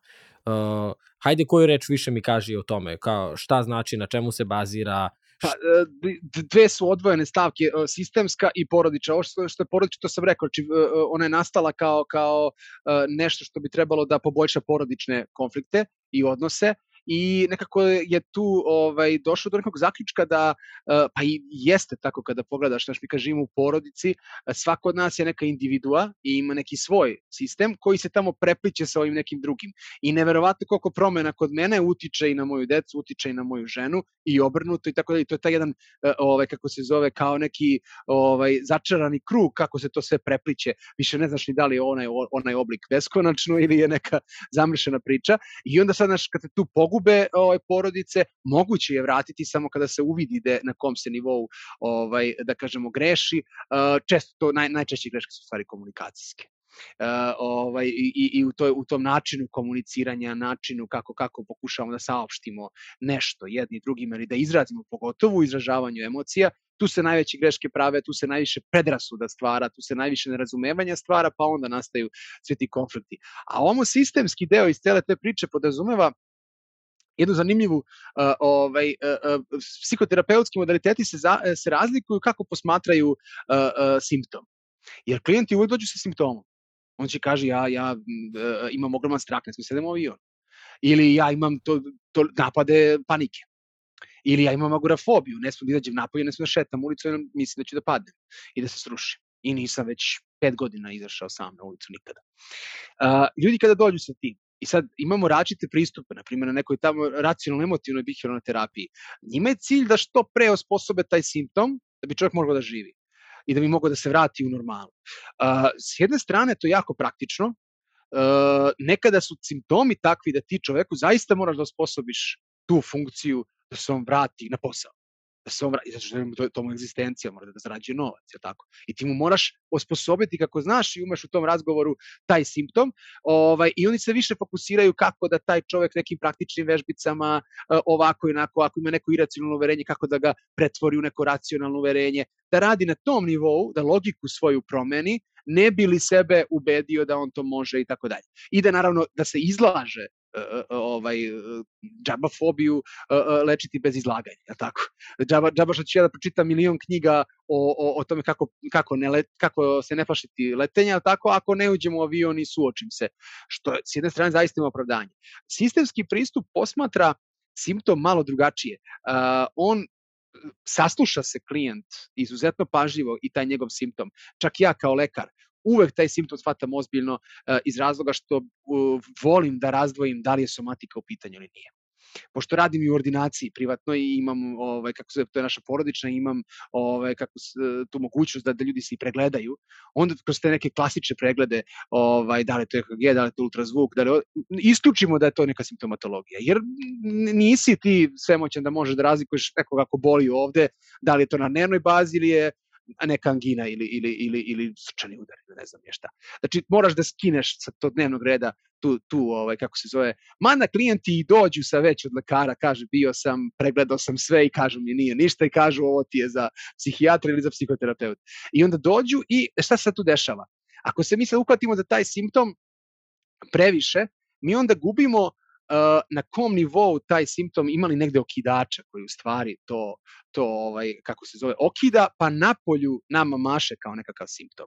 Znači to što ta žena ili muškarac ne sme da šeta ulicom, to je u stvari samo jedna poruka ovaj, iz dubine organizma, tako da se izrazim. Jer mi smo, mi kao ljudi smo kao mozaik.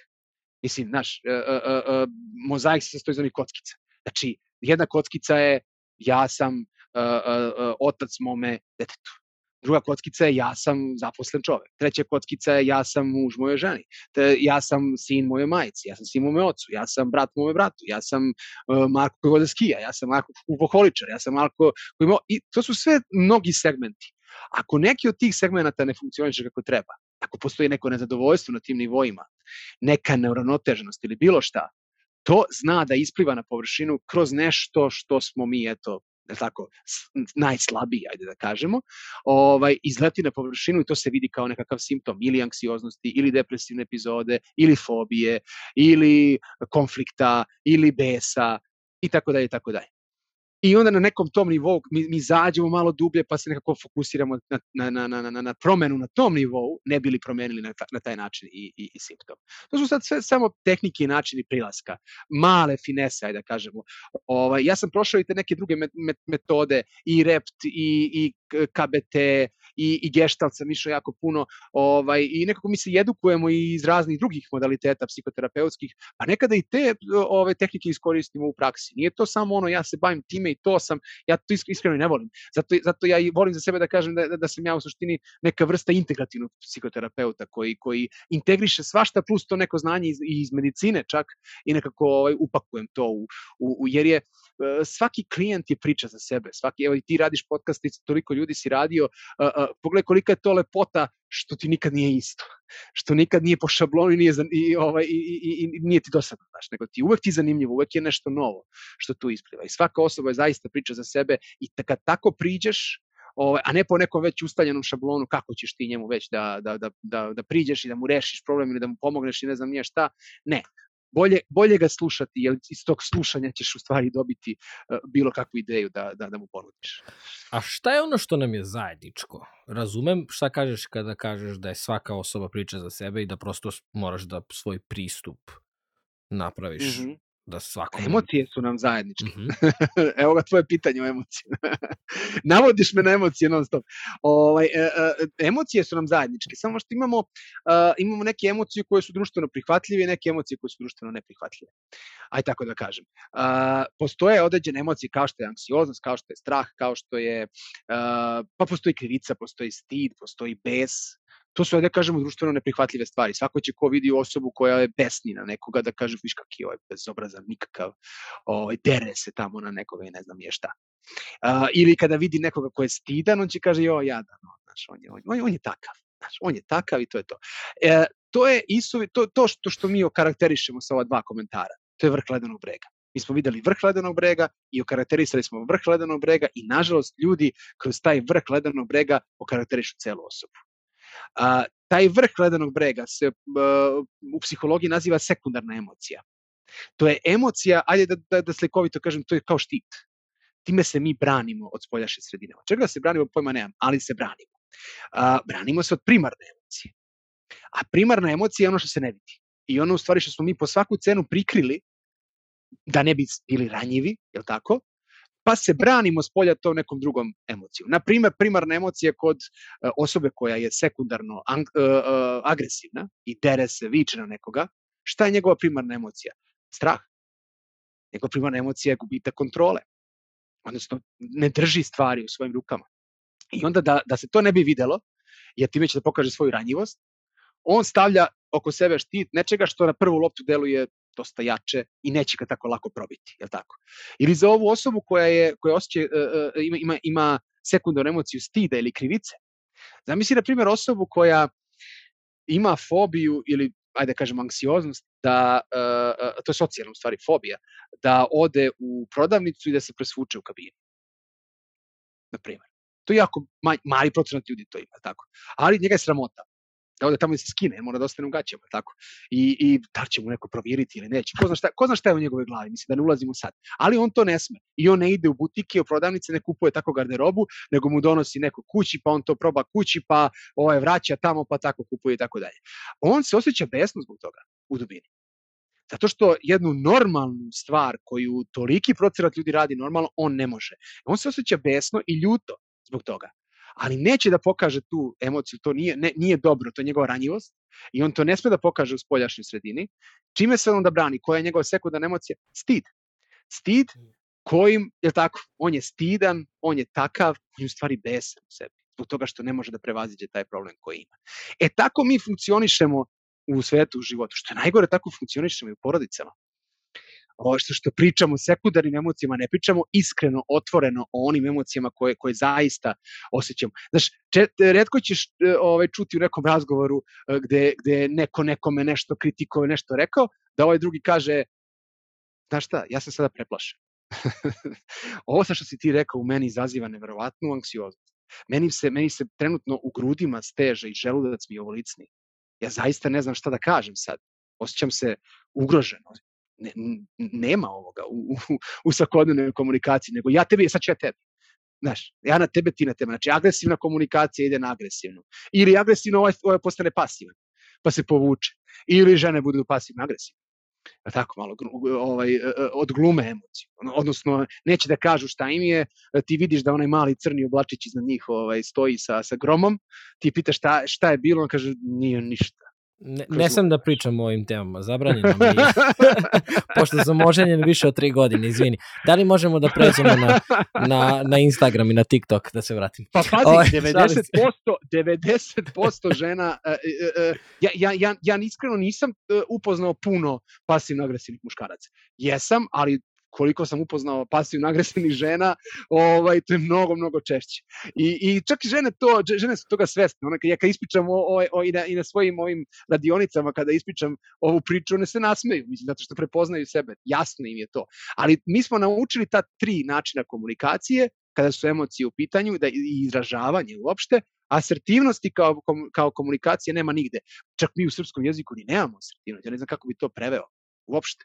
Da, to, nema. To, to jedino možda, možda prevedeš kao a, lepo kulturno a, ovaj, pričanje. Ili ne znam, a, ja, a, uvek moraš da, da šire objašnjavaš šta je asertivnost. A, a, ja imam svoje mišljenje, ti imaš svoje, ja ne želim ni jednog trenutka da osporim tvoje mišljenje, ne želim da ti nametnem moje mišljenje, uvažavam ga, ali branim moje mišljenje da ne bi i ti, je tako, moje mišljenje, znaš, bukvalno moraš kroz, kroz deset reči da objasniš šta je asertivnost. I onda je teško ljudima ne, ne da shvate šta je, nego a, ovaj, koliko je teško da uopšte to izvede u praksi.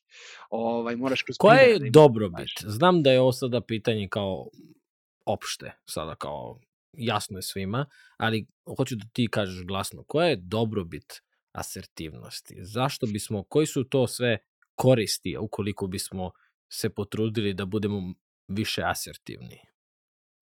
Pa ovo je pitanje kao, kao i, i, i kad postoje pitanje koja je dobrobit hrišćanstva.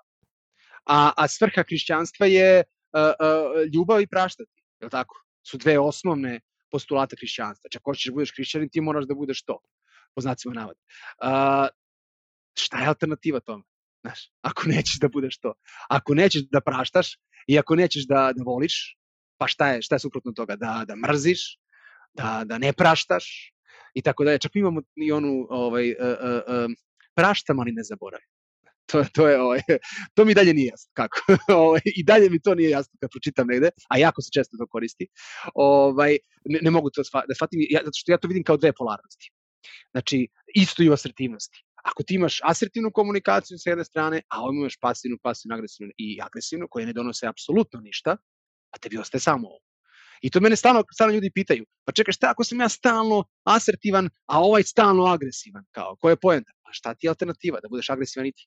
I onda ode masu propast. Ali, trebaš da imaš tačku pucanja i trebaš da imaš svoju tačku da ti više nećeš da budeš asertivan, onda se pribegava onome što se popularno zove sečenje ili cut off. U kom ćeš smeru da sečeš odnos sa tom osobom? Da li ćeš da se razvedeš? Da li ćeš da više sa prijateljem ne pričaš, da ti više ne bude prijatelj? Ili ćeš tamo u porodici, ako je to majka ili otac, pa više stvarno ne funkcioniše ništa, jer si milion puta probao da budeš asertivan, pa možda je najbolje napraviti ritualni cut-off, takozvani.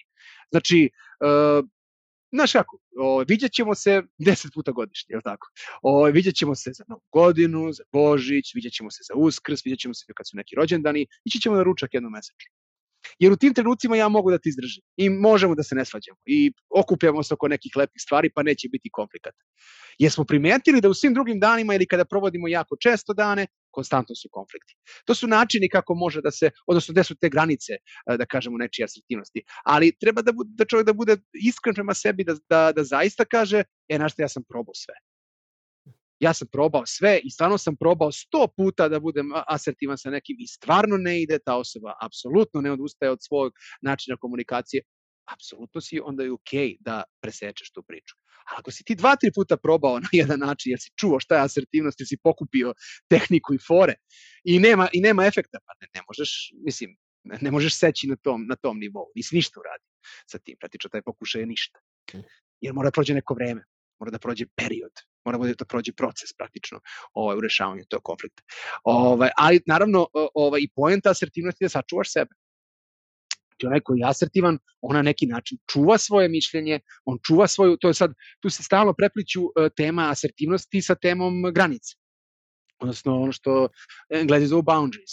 Ovaj, kod nas su granice, da. Samo što se kod nas granice, kad, kad pomeneš reč granice, kod nas se to odnosi na granicu između Srbije i Mađarske, tako. E, nikad se ne priča o granici između, između mene i moje majke, ili mene i moje žene, ili mene i mogo... E, e, zašto? Zato što zato što je kod nas nekako ovaj, e, ta umreženost porodična izuzetno velika. Znaš, Englez, uh, Englez tamo ovaj, već uh, uh, generacijama sa 16 godina pošle dete u internat i on se više nikada ne vraća u tu kuću. Ono, a to duše takav je sistem, gde tebi taj sistem dalje obezbeđuje da ti završavaš školu, nađeš posao, gradiš svoju porodicu i to je to. I oni se zaista viđaju kao ovaj ritualni cut-off s vremena na vreme, znaš. A, ovaj, a ovamo kod nas se pravi kuća na tri sprata da bi cela familija ostala tu i da bismo svi bili umraženi i tu granice ne da nema, nego se gaze, gazeli gaze, jel tako, jedni preko drugih, ovaj, a upravo to gaženje granica donosi konflikte. I takve porodice se konstantno svađaju. I konstantno su u frci. Da li oni znaju da se svađaju zbog... Uh, zbog granica. zbog granica, da, da. Pa ne znaju teoretski baš svi, ali, ali znaju kad opišu ljudi narodskim jezikom, hvala Bogu. Ove, fantastičan je naš narod, naš. Ja kad, kad gledam ono šta je sve to Vuk popisao ono pre pre ovaj pre 100 godina je popisao nešto što je 500 600 godina u našem narodu. Ovaj koliko to ima nekih uh, izvanredno pametnih stvari koje smo mi danas samo kroz psihologiju i kroz te neke nauke dali im imena, znaš. Ja sam malo pre rekao transgeneracijsko prenošenje, znam koliko je to onako reč, wow, znaš, a u stvari to ti ono kad, kad su govarali brakovi, pa kao, ili kad nađeš devojku, nešto, pa te deda pita kao iz kojih, koja je familija, znaš. I ti kažeš, fam, nemoj ono, bio ona jedan šuntav. Znaš, bio ona jedan, ili ima ona jedan šećernu bolest. Ili, nemoj, tu su i deda i otac bili kockari i ne znam nije šta. Či znači, neko je skontao da se te stvari prenose s generacije na generaciju, da to ne, nešto tu ima, oni se to nisu znali da je to genetika, nisu znali da je to obrazac ponašanja, pattern i sve te neke termine, ali su provaljivali da to može se desi i u generaciji nakon. Pa onda kažu, ne, nemoj nju, nego traži neku drugu, jel tako, i onda malo surovo, ovaj, ali, ali su pokušavali, i znali su da objasne te stvari, samo narodskim jezikom. Tako se i danas svađaju, a ne znaju u stvari da je problem granica, ali kaže, on on uopšte mene ne tolerira, odnosno on, on naš, ne toleriše uopšte, odnosno nivo frustracioni, nivo tolerancije mu je nizak, na primjer. Uh, ili uh, šta god da ja uradim, on meni omalovaži ili kad, či nemaš granicu, je tako? Ni dozvolio si mu previše da ti komentariše lično i tako dalje, tako dalje. I nije lako, granice vratiti e, zaista nije lako uopšte. Ima, ima ona rečenica, ono, prešao si sve granice, tad se jedino spominje e, granice jest, kod nas. Je, je. Sve si granice prešao. Na, da li nam je teško uh, da u razgovoru budemo asertivni iz prostog razloga što imamo utisak da neko ne zaslužuje da dobije naše razumevanje ili se plašimo da ćemo osta, da ćemo biti mnogo ranjiviji ukoliko se povučemo. Uh, šta misliš, jer sad si mi rekao jednu ključnu stvar, a to je da smo mi asertivni da bismo sačuvali sebe. I to je mm. nešto što uh, ni, čega nisam bio svestan do, do, do tog trenutka. Kad si rekao glasno, to mi je bilo kao, u, kao, ovo ću, ovo ću baš dugo pamtiti sada. Mhm. Mm Pa znaš, to, to, to je kroz onaj primjer koji sam ti rekao da, da, da, ovaj, da ja imam svoje mišljenje neko, je tako? E, pogledaj koliko je danas problem sa mišljenjem. Uh, ovaj, zato, što, uh, uh, zato što ljudi imaju neverovatnu potrebu da nametne svoje mišljenje. A, a iz nametanja svog mišljenja drugome i kada pričaš sa nekim ko ima 100% isto mišljenje s tom, ti uopšte ne rasteš. Što bi rekao, ovaj, kako se zove, da li to rekao uh, Konfuči ili ne znam ko, ovaj, da, da kada pričaš ono što, ili ne, Dalai, Dalai Lama je rekao da, kada pričaš ono što, ono što znaš, ti u stvari samo preslišavaš. Da, ne možeš da naučiš A, ništa kada, novo, da. Mislim, e, to je forma podcasta, samo što ona ima neku drugu svrhu, hoće da gleda ne znam nije koliko ljudi i tako dalje. Ali ja sad dok ovde pričam, ja sam u stvari preslišao nešto što sam već munto po svojoj glavi, već negde sam to ispričao i tako dalje i tako dalje. Ali kad ja slušam, na primjer, sad tebe, dok, ili kao što ti danas slušaš mnogo više mene, imaš prostora da, da, da obogatiš sebe za 1% nečega, našo nekih informacija, koji će neće biti da si ti to prihvatio zdravo za gotovo, nego si stavio kao još jednu opciju e, ovaj, u razmatranju nekom širem pogledu na neku stvar. Ta širina pogleda je jako bitna. I, i zato je nekako u asertivnosti ti krećeš sa svojim mišljenjem, ovaj tamo te zasipa sa svojim mišljenjem, je tako? Ako je agresivan, onda pogotovo, ti naravno moraš da zadržiš ovo svoje mišljenje. Ovo njegovo puštaš kroz neku vrstu hipoteze. Mi se dosta vodimo nekada uh, uh, ovaj pretpostavkama, predrasudama.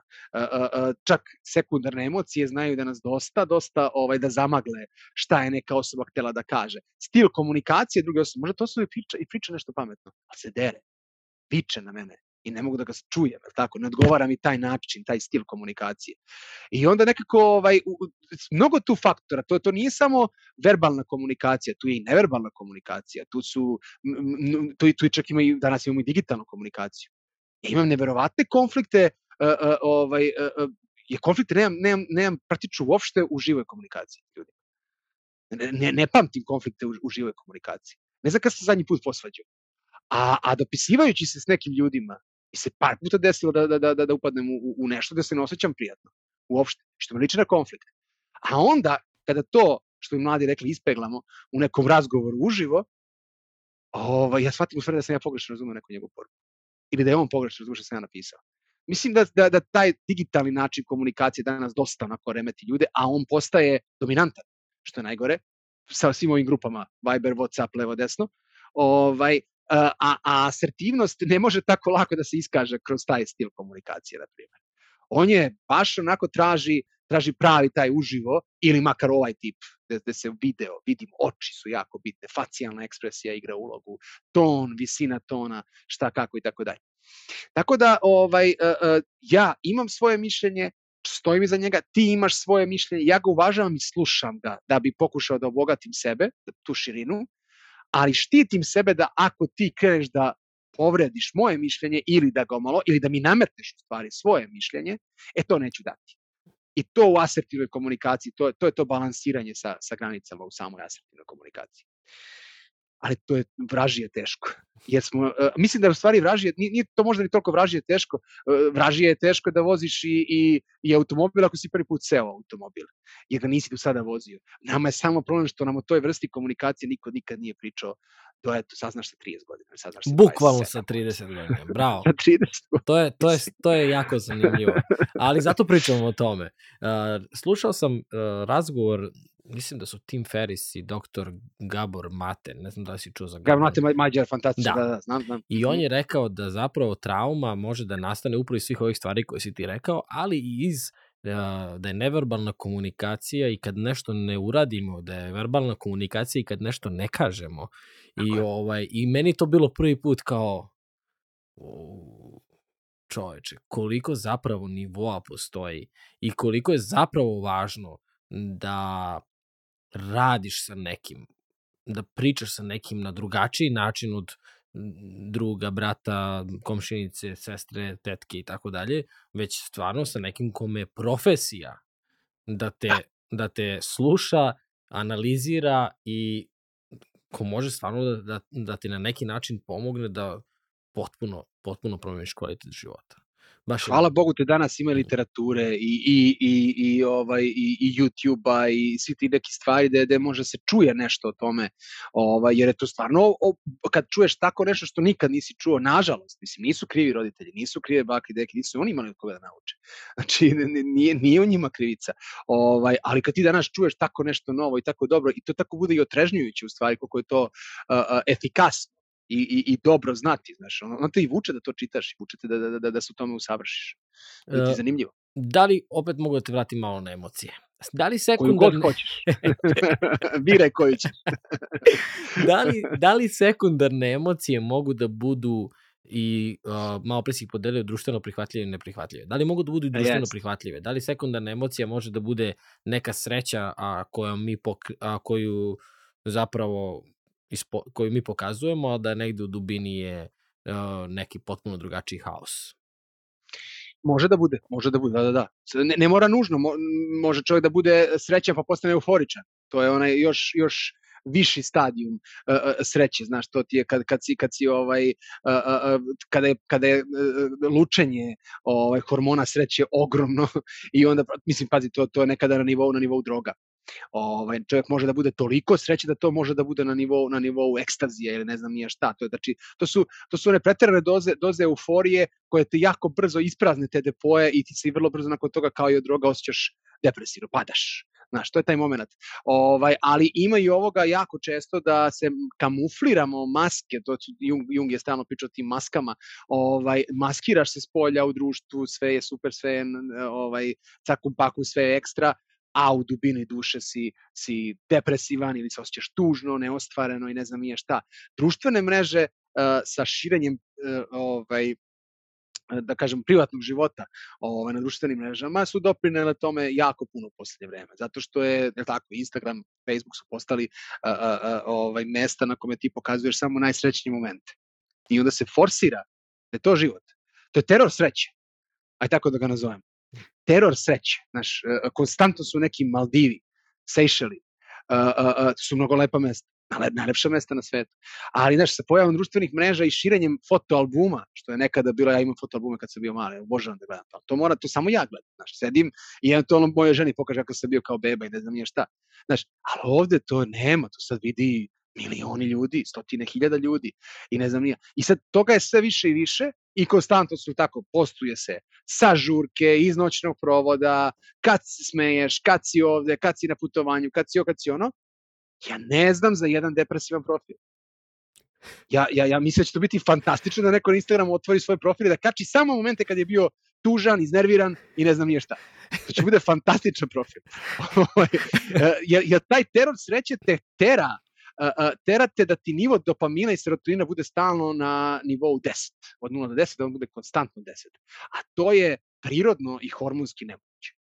Jer ima jedan ogled, ovaj, ja sam to u fiziologiji čitao još, još davno, davno, kad sam polagao fiziologiju, neke 2005. 6. na primjer.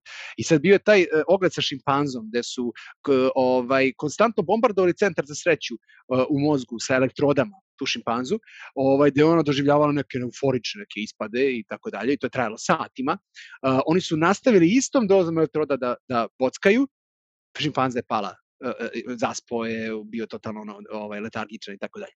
Uh, I dugo mu, kaže, trebalo da se vrati, da postane normalan, da li nekoliko meseci, čini mi se.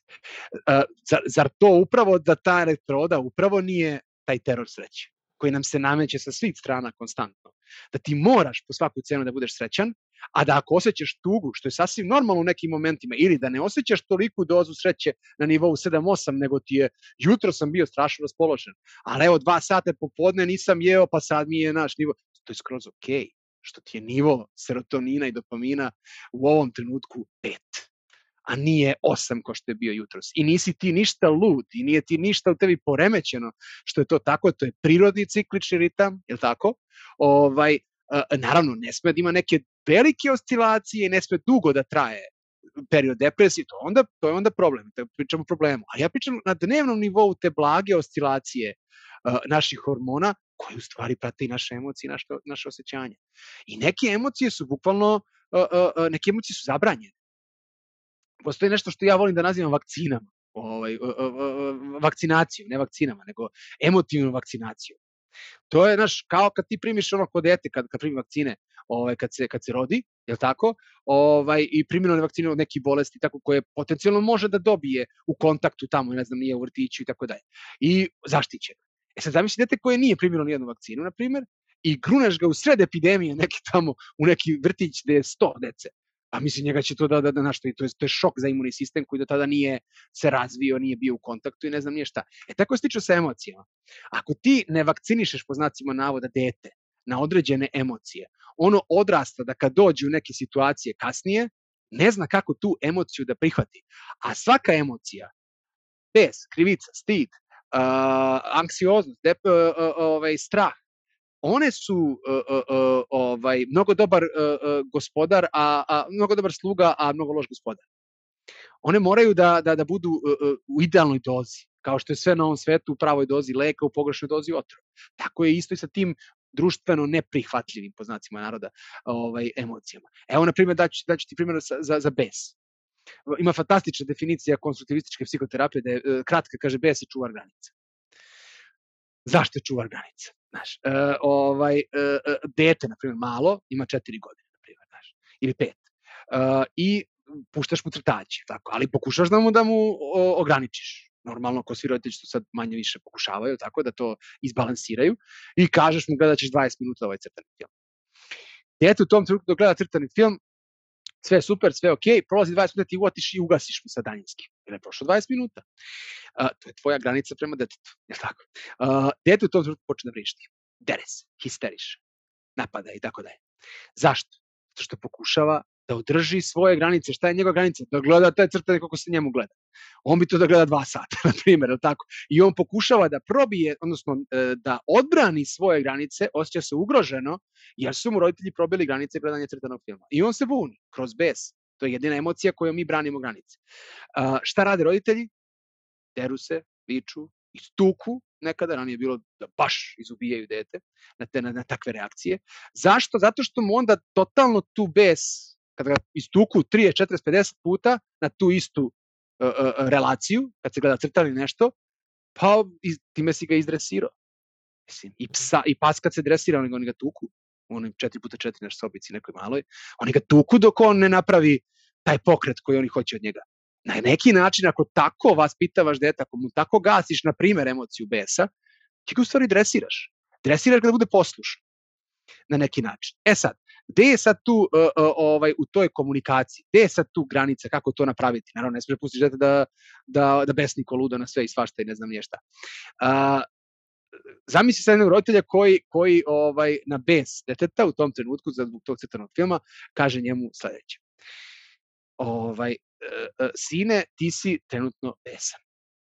To je jako bitna prva rečenica, jer mu imenuješ ono što se dešava trenutno njemu. To dete ne zna šta je to. Ono ne zna emocije, ne zna da to nazove pravim rečima. Znači daš mu to da on zna šta je to i da ga imenuje i da ga zapamti kao tako. Ti si trenutno besan i u tome nema ništa loše.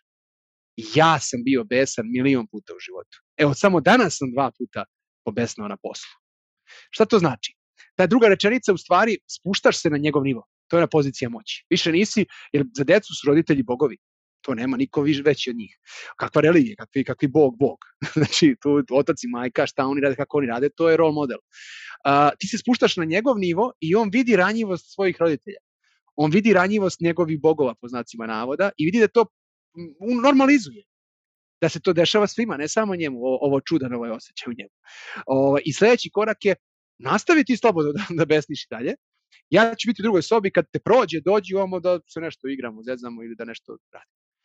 U 90% slučajeva, dete će možda još malkice tu nešto, već počinje da briše, nešto drugo mu skreće fokus, eto ga. U 10% slučajeva, ako nastavi da besni još više, onda pričamo o nekoj patologiji. Možda neki autizam u pitanju, možda nešto, mislim, to je već izuzetak. Ali u najvećem broju slučajeva dete će i ostaviš ga i odeš, je tako, sa ovim porukama i on počinje da procesuira koliko toliko i prebaci mu se fokus. Na taj način si mu dozvolio da je bes nešto normalno, da je to prirodna emocija, a, nisi mu dozvolio da pređe u neku toksičnu dozu besa, ali si mu pokazao da to može nekada i da koristi solidno, da nije loše zauzeti se za sebe. Jer šta se onda dešava kada napuniš 30-40, dođeš da radiš poslovi, veća socijalizacija, ozbiljnija socijalizacija, znači onaj onaj suroviji deo života, a ne detinstvo, tako? Ovaj, e, I sad imaš tamo nekog šefa ili imaš neki autoritet, ako, ako tebi bila suzbijana agresija, pa ti možeš samo u, dva, u, dva, u dve varijante da koristiš tu agresiju kad, kad, kad na tebe neki autoritet, autoritet vrši pritisak. Ili ćeš da se povlačiš u neku pasivnost, što je jako često, i onda gaze po tebi, upravo ti autoriteti, a ti si tu čuti, zadrži posao, nemoj ništa da se naš čuti, nije to dobro. Ili ćeš, ne da možda skočiš na tog šefa da se pobiješ sa njim i da, i da iskališ agresiju neartikulisanu, izgubiš posao. A šta bi bila zdrava doza korišćenja agres, agresije u tom trenutku? 4-5 odmerenih, asertivnih rečenica s kojima se zauzimaš za sebe i pokušavaš da postaviš granicu prema tom autoritetu, da li je to šef ovaj, ona ili tako dalje, da ćeš da otkucaš neki mail tog tipa. Ili kroz mail može da se oseti da li ti si agresivan ili neće ti poslati mail pa ćeš biti pasivan u toj celoj komunikaciji. E, tako kako sam dao sad primjer, ovo je za bes. Znači, to možeš da, pre, da prevedeš na svaku. Anksioznost ima svoju isto pozitivnu svrhu. Koliko nas je puta samo spasila, ovaj, jesi čuo nekad, da, čuo, mislim, čuo nekad, čuo si sigurno, zdra, zdrava trema, odnosno, kak, e, ne zdrava trema, nego... Pozitivna trema. Pozitivna, pozitivna trema. Znaš, pozitivna trema. To je fantastična stvar. Znaš, kad bi Ivana Španović skakala onoliko da nema pozitivne treme. I kad nemaš pozitivne treme, tebe nije ni stalo do toga što radiš. Na neki način. Ovaj, ali sad, ako pređe to u ekstremnu dozu, toksičnu dozu aksioznosti, ti onda imaš problem. Plaši se svega i svačega. Hipokondat si. Šta god te žacne, prst te žace, ti misliš da imaš neku opaku bolest ili ne znam nije šta. Znači, to su sve konstantne ovaj, doze, sve pitanju doze. Koliko uspevamo da izdoziramo kod sebe. E sad, ako neko postavi pitanje na ovo, gde je ta prava doza, ja nemam pojma. Ja nemam pojma iz razloga što to niko ni ne zna. To kad bi neko znao, taj bi bio, taj bi se obogatio i otišao bi negde, ono, da postoji uopšte, da se nađe tako. U psihologiji ne postoji ono što postoji u medicini. Znaš, u medicini ti napraviš vakcinu, neverovatno, da se svima koristi protiv, e, ne znam, dečije paralize ili protiv tuberkuloze bukvalno ista doza, isti sastojak, iste substance, sve isto i daš svim ljudima i svi razviju imunitet na isti način. Nikoga od njih ne ubije ili ajde kažemo mali procenat doživi neku, neki, neki, neku reakciju na to, ovaj, ali 99% razvije imunitet. To u psihologiji ne ide. Znači, ako ono što je za mene taj balans, kad je u pitanju bes, kad je u pitanju anksioznost, kad je u pitanju ovo, to ne mora da znači da će za, za neku drugu osobu da bude. Da, da bude njen balans. Ali mislim da je samo svesnost o ovome već veliki pokretač. Kada ti počinješ da razmišljaš na ovaj način o sobstvenim emocijama. Ja sam to često govorio mojim klijentima kada, kada dođu na terapiju, ovaj, prelaskom praga ovaj, ovog ovde, što ste vi uopšte došli ovde, vi ste već 50% svog problema rešili. Zašto? Kaže, kako, šta vam to znači? Pa rekao, sama svest o tome. Vi ste svesni da imate problem. Zamisli onaj ko ima problema nije svestan toga. Ili odbija da ga prihvati, ili ga gura po tepih. Njemu je teško, a živi s tim. Ovaj, I ubeđen je da nema problema ili ne znam je šta. Vi ste svesni. Ako si svestan, onda ide sledeći korak, a to je tvoj angažman da prevaziđeš i odgovornost da preuzmeš uh, u svoje ruke za određene promene. Ali bez svesti o tome šta je tvoj problem i bez svesti kako nešto funkcioniše, mislim, tu je, uh, pazi, kognitivno-behavioralna terapija je revolucionarna uh, u tom prelazu sa psihoanalize na, na, na, na današnju psihoterapiju. Ona se danas čak i ne koristi toliko, a meni, meni je i dalje fantastična. Jer ja sam, ja sam nju iskusio kroz, kroz, ovaj, kroz medicinu. Uh, koliko, koliko lekara uh, nema taj pristup ovaj da, da objasni nekome do detalja šta se toj osobi dešava u tom trenutku, ali na plastičan način ja sećam mog oca, ovaj, kada, kada ovaj, moj, moj otac ovaj, i dalje radi sa, sa, sa, pošto internista pa radi sa, sa starijim ljudima uglavnom, tako. I meni je bilo zanimljivo, on leči bab, bak i deke, znaš, kao, ovaj, i sad on je stalno, a pošto, pošto je, ovaj, dolazili su babi sa sela, uglavnom na preglede i tako dalje, i on je njima stalno crto, ovaj, ostane po sat vremena s njima i crta im želudac. Pa kao, znaš ti bako šta je burak? Kod, kod krave. Kaže, kako ne znam šta je bura. E, tako isto i ti imaš ovde, pa joj nacrta šta se dešava i objasni joj taj njen gastritis, na primjer. I, i, i do detalja tako nacrta. E, to je, to je kognitivna behavioralna terapija da mi spoznajno razumemo šta se dešava, koliko toliko, da bismo umanjili anksioznost. Jer anksioznost često nastaje iz neznanja. Anksioznost po definiciji isto konstruktivističke terapije kaže je svest o tome da ne možemo da predvidimo stvari u budućnosti pa iz tog neznanja, jel tako, šta će da se desi ili zašto nešto nastaje, mi se onda, mi se onda plašimo. Tako između ostalog nastaju i mnoge teorije zavere i ne znam je šta. Samo da bi mu dao neko objašnjenje, tamo negde, i da se ti smiriš. Treba mi objašnjenje za nešto što će se desiti u budućnosti ili što se, tako što mi je trenutno neobjašnjivo i daj mi nešto što će da me smiri. E sad, zavisi da li, da li je to što ti dajem nešto što je zaista tačno ili nešto što, što nije tačno. Mi u konkretnoj medicini smo koristili neke stvari iz našeg znanja o medicini. Naravno, ne, ne koristiš stručne termine, ne koristiš te neke stvari, nego na plastičan način objašnjavaš i autonomni nervni sistem. Ja, pazi, autonomni nervni sistem to je izuzetno abstraktna stvar. Vrlo je lako objasniti centralni nervni sistem. Znaš, to je nerv koji ti prođe kroz mišić i ti mu kažeš stegni biceps, stegneš biceps na tvoju komandu, on je uradio. A šta ćemo sa srcem? Sa želucom, sa crevima, sa plućima? Oni isto imaju nervni sistem, ali ne radi po principu ja mu kažem on uradi, on se ubrza srce ili se ja mu kažem on se smanji. Dosta abstrakta stvar, kako se to objasniti ljudima, a tu nastaju i anksioznost, i depresija, i sve ti, svi ti poremeći psihičke prirode upravo nastaju na tom nivou. Tako da, eto, izdigresirao sam milion stvari, izvini, molim te. da, o, o, volim ovu temu kada je u pitanju, kada su u pitanju emocije, ali me, ali me uvek odvuče na, na, na, na nešto treće čet. Ne, ne, beskreno je zanimljivo slušati. Ja se osjećam kao na predavanju, tako da ovaj, stvarno je i toliko korisnih opipljivih primera daješ. O, ova, o, ova komunikacija između, ja sam sad zamislio oca i deteta, mi je fantastičan primer ovaj, kako ako bismo samo malčice drugačije tretirali drugi, ako bismo im dali prostora da vide neke stvari koje možda oni ne vide u tom trenutku, ovaj, potpuno bi se drugačije promenili uh, naši odnosi i naš kvalitet života. To, je, to mi je neverovatno. Kad sam te pitao koja je korist uh, asertivne, ovaj, mislim da ne postoji bolji mhm. primer ovaj, za to. Mm, e, upravo to, upravo to upravo to. A znaš kako kaže Bora Čorba, ono, u onoj pesmi kaže, malčice je druči u praksi, znaš.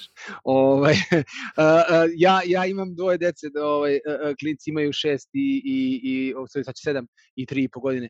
Ovaj, um, ne uspevam uvek da bude takav. Znači, iako imam znanje iz toga, nisam ja deči psiholog, niti, niti se razumem u tu priču, ne, sad ste ne radi s decom, što to je totalno druga vrsta subspecializacije, tako da kažem. Ovaj, ali znam tako te neke fore, ili tako i te neke stvari. Ovaj, znaš, izleti iz mene ono transgenetičko. Da, da. izleti iz mene neki moj, možda i moja majka, možda i moj čukundeda, možda i moj pradeda, pa se ja izdere na moj dete. I onda stanem i znaš, o, o, o, o, prođe i onda kažeš, joj, čekaj, evo, nije trebalo ovako. I nema ništa loše u tome, znaš, i, ok, izletelo je. Uh, šta je sad tu point? Aj sledeći put da probam drugačije. I sledeći put nekako to mi se desi, to, to moje izletanje mi se desi kao neka vrsta alarma, kao neka vrsta crvene zastavice koja nastavi da mi maše ovde negde u vidnom polju, da kad se sledeći put desi da ja ne odreagujem po tom paternu, nego da uključim ovo i da pokušam da budem malo asertivniji, da pokušam da, da se spustim. Ovaj, nije lako u praksi, kaže, zato što u praksi, znaš, sve ovo što mi čitamo, što se edukujemo, što radimo na tome, to je sve mlađe od onoga šta smo dobili ovaj, i rođenjem, i genetikom, i nekim drugim stvarima. Uh, uh, ovaj, I to je, to je izgleda mnogo, mnogo jače od nas i potrebno je puno discipline, puno rada, puno ovaj kako se zove istrajnosti i nepadanja kada ne vidiš da to ne funkcioniše ili kada ne uspeš uvek da reaguješ. Ne, nego to upravo motiviše da sledeći put budeš pribraniji, svesniji da se to desi. Ima jedno istraživanje, to je mene baš onako pa mogu ti reći da me da me razočaralo. Ali ovaj ali dalje ne verujem u njega 100% smislu. Ovaj, e, e, da, da će polako dokazati da sve te neke bolesti zavisnosti, na primjer sklonost ka drogi, kocki, alkoholizmu i tako dalje, ovaj, da su genetske prirode. Ako pričamo da su genetske prirode, znaš, onda, onda, onda, onda možemo pričati o prokletstvu ako se neko tamo rodio, a vuče gen od čukundede ovaj, koji je bio kockar i bit će kockar. Znaš. Onda prokletstvo. O, ali ja zaista ne mogu da verujem, ovaj, znajući psihologiju e, e, e, koja je tako nauka zadnjih 100 godina ovaj, i nekako tu širinu njenu, ne mogu da prihvatim genetiku samo kao genetiku. Čak i genetičari će svi reći, da jeste, gen je bitan, on okida tamo za neke bolesti, ali ogromno, ogromnu važnost kako će, kojom brzinom, na koji način taj gen odreagovati, šta će se desiti u spoljašnjoj sredini. I da li će se ti, aktivirati. Da li će da. se aktivirati uopšte ili ne, čak. Je tako, to je taj genotip, a ovo se zove fenotip. Znači nešto što se s polja dešava, zagađenje. Živiš bre u Bangladešu ili u Beogradu. Sad sam te da ti kažem, ili u Beogradu. Zato što znaš, možda, Bangladeš, Beograd uvek su na onoj... Možda je bolji u Bangladeš ovih dana, ne znam. ovaj, da, pa bez vezanja, znaš, to. E, da li pušiš? Kakvi su ti faktori rizika? Da li si alkoholičar? Da li si fizički aktivan ili nisi? Da li vežbaš? Da li ti je body mass index koliki ti je? Da li si stres? Znaš, evo, nismo, nismo uspeli danas da, da ovaj, da, da dokačimo tu, tu, tu temu stresa. To je tema to, za sebe, da znaš. Yes. Zbog toga nisam teo da idem u tu. Zato što je to, zato što je to, znaš, ljudi ne razlikuju akutnih i hronični stres. Akutni stres je naš nastao od pračoveka. Eh, odnosno od, od primata, od, od, od, od homo sapiens kad, kad, kad se razvio kao posebna vrsta, on je, on je imao uh, akutni stres. Zašto? Da bi ga spasao u toj divljini tamo negde, ono kad mu najđe tigar da ga pojede, tebi treba akutni stres tako brzo da ti aktivira uh, uh, strah u stvari koji će da ti adrenalin, krv, mišiće, adrenalin, tako kortizol, je. tako je, ili se bori ili beži. Ovaj, e sad, šta se dešava s hroničnim stresom? On je stres pa ajde da kažemo zadnjih 3000 godina, kako postoji pisana istorija naša, ona prava pisana istorija, ali mislim da on doživljava svoju procvat u 21. veku. Ovaj, taj hronični stres je u stvari kada mi tog lava iz pustinje uh, pretočimo u sve te neke dnevne stvari, na primer, rat, na primer, sankcije, na primer, uh, uh, nemaština, na primer, korona, pandemija, na primer, kredit, cena, banci na 30, na 30 godina cena goriva.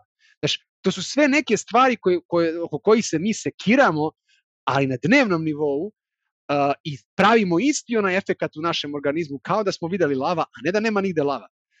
Drugo, to traje i traje i traje i traje decenijama. Traje. Pogledaj ti tu generaciju 90-ih i ovamo na, na, na 2000-ih koja je iz dana u dan imala ogromne količine kortizola, adrenalina u krvi, što nije dobro, to su toksini, ovaj, samo zato što su konstantno bili u stresu šta će se desiti, šta će biti, da li će imati para, neće imati para, kako će platiti stan, dažbine, deću, šta ću, jer tako, bilo danas do sutra.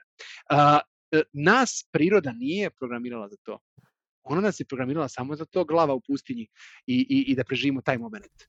ona nije očekivala ovo što smo mi stvorili sami sebi, nažalost.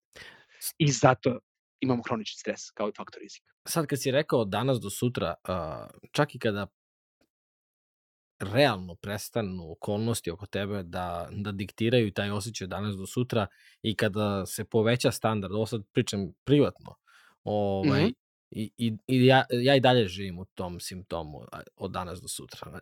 Malo pre si, malo pre si bio iskren i rekao si ono i hvala ti puno, to si podelio, da, da, da čak i ti ako znaš i sve ove fore i ako si Naravno, svestan... tu nema ništa čudno. Nekada se desi da E, ovaj, tako da si mi dozvolio da sad ja budem malo ranjiviji i ovaj, i ja sam to primetio kod sebe kao jedan od ozbiljnih izazova, to je da bez obzira uh, koliko danas zarađujem, bez obzira uh, koje rezultate vidim da sam napravio, koje rezultate vidim da ću napraviti, znaš, jer moj život je potpuno drugačiji u poslednjih par godina nego što je bio ranije i, ovaj, i na bolje, ali ja i dalje imam taj, taj, taj uh, mehanizam koji ide od danas do sutra.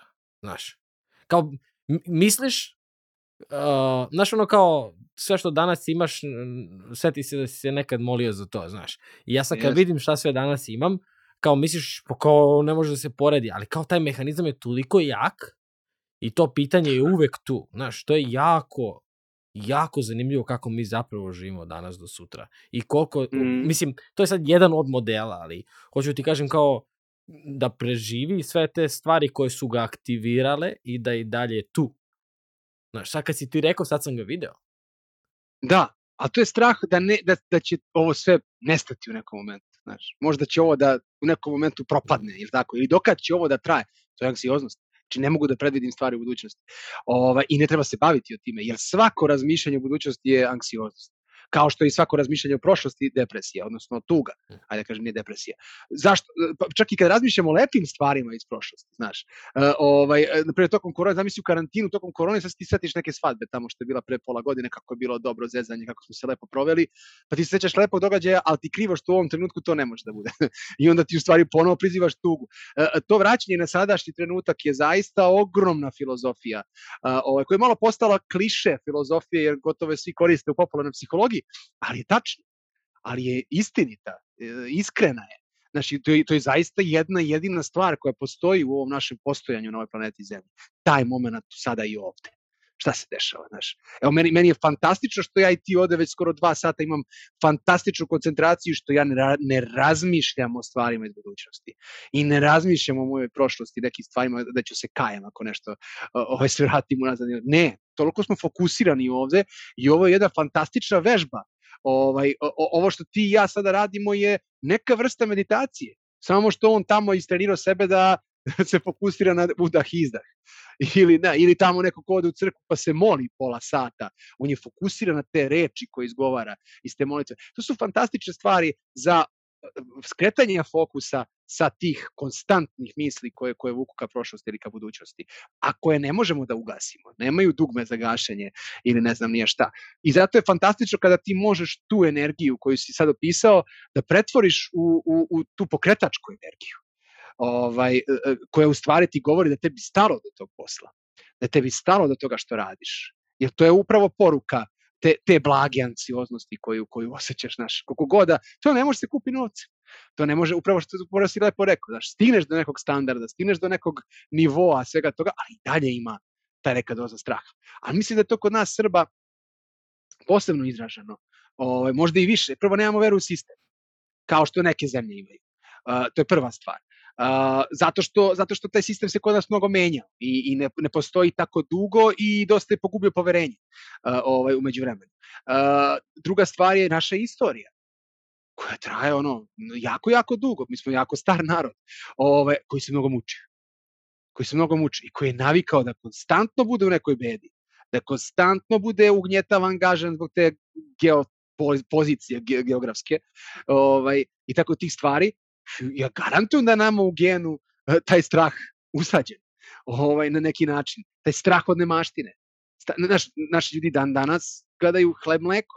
To je, to je ovaj, kao da je pre 200 godina. Znači, zaista taj taj strah perzistira u nama i ovaj i sigurno da on da on ovde okida u nekim momentima opet nije taj strah samo genetski ti si to sigurno osetio i kroz roditelje i kroz babe dede i kroz roditelje i babe dede od tvojih prijatelja koji su do skora nas ubeđivali tako socijalno zdravstvena redovna plata, o, ovaj, su jedini načini da, o, ovaj, a došli smo u svet gde opet izuzeci su, ali, ali e, došli smo u takav svet gde mladi tamo neki 17-godišnjak napravi milione preko, preko YouTube-a koje njegov otac nije mogao za, za 20 godina života da napravi, ne bi mogao da napravi, je tako? Ovaj, a on ga ubeđivo da treba da, ne znam, uči školu i, i socijalno zdravstveno redovna plata.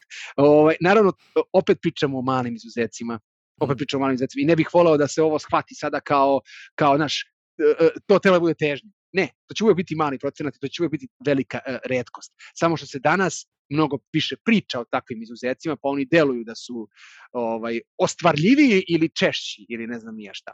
Da, ali, znaš šta, rekao si jednu super stvar, čak i malo pre si spomenuo ono kuća na tri sprata i kako smo mi da. potpuno drugačije uh, napravljeni, na, stvoreni.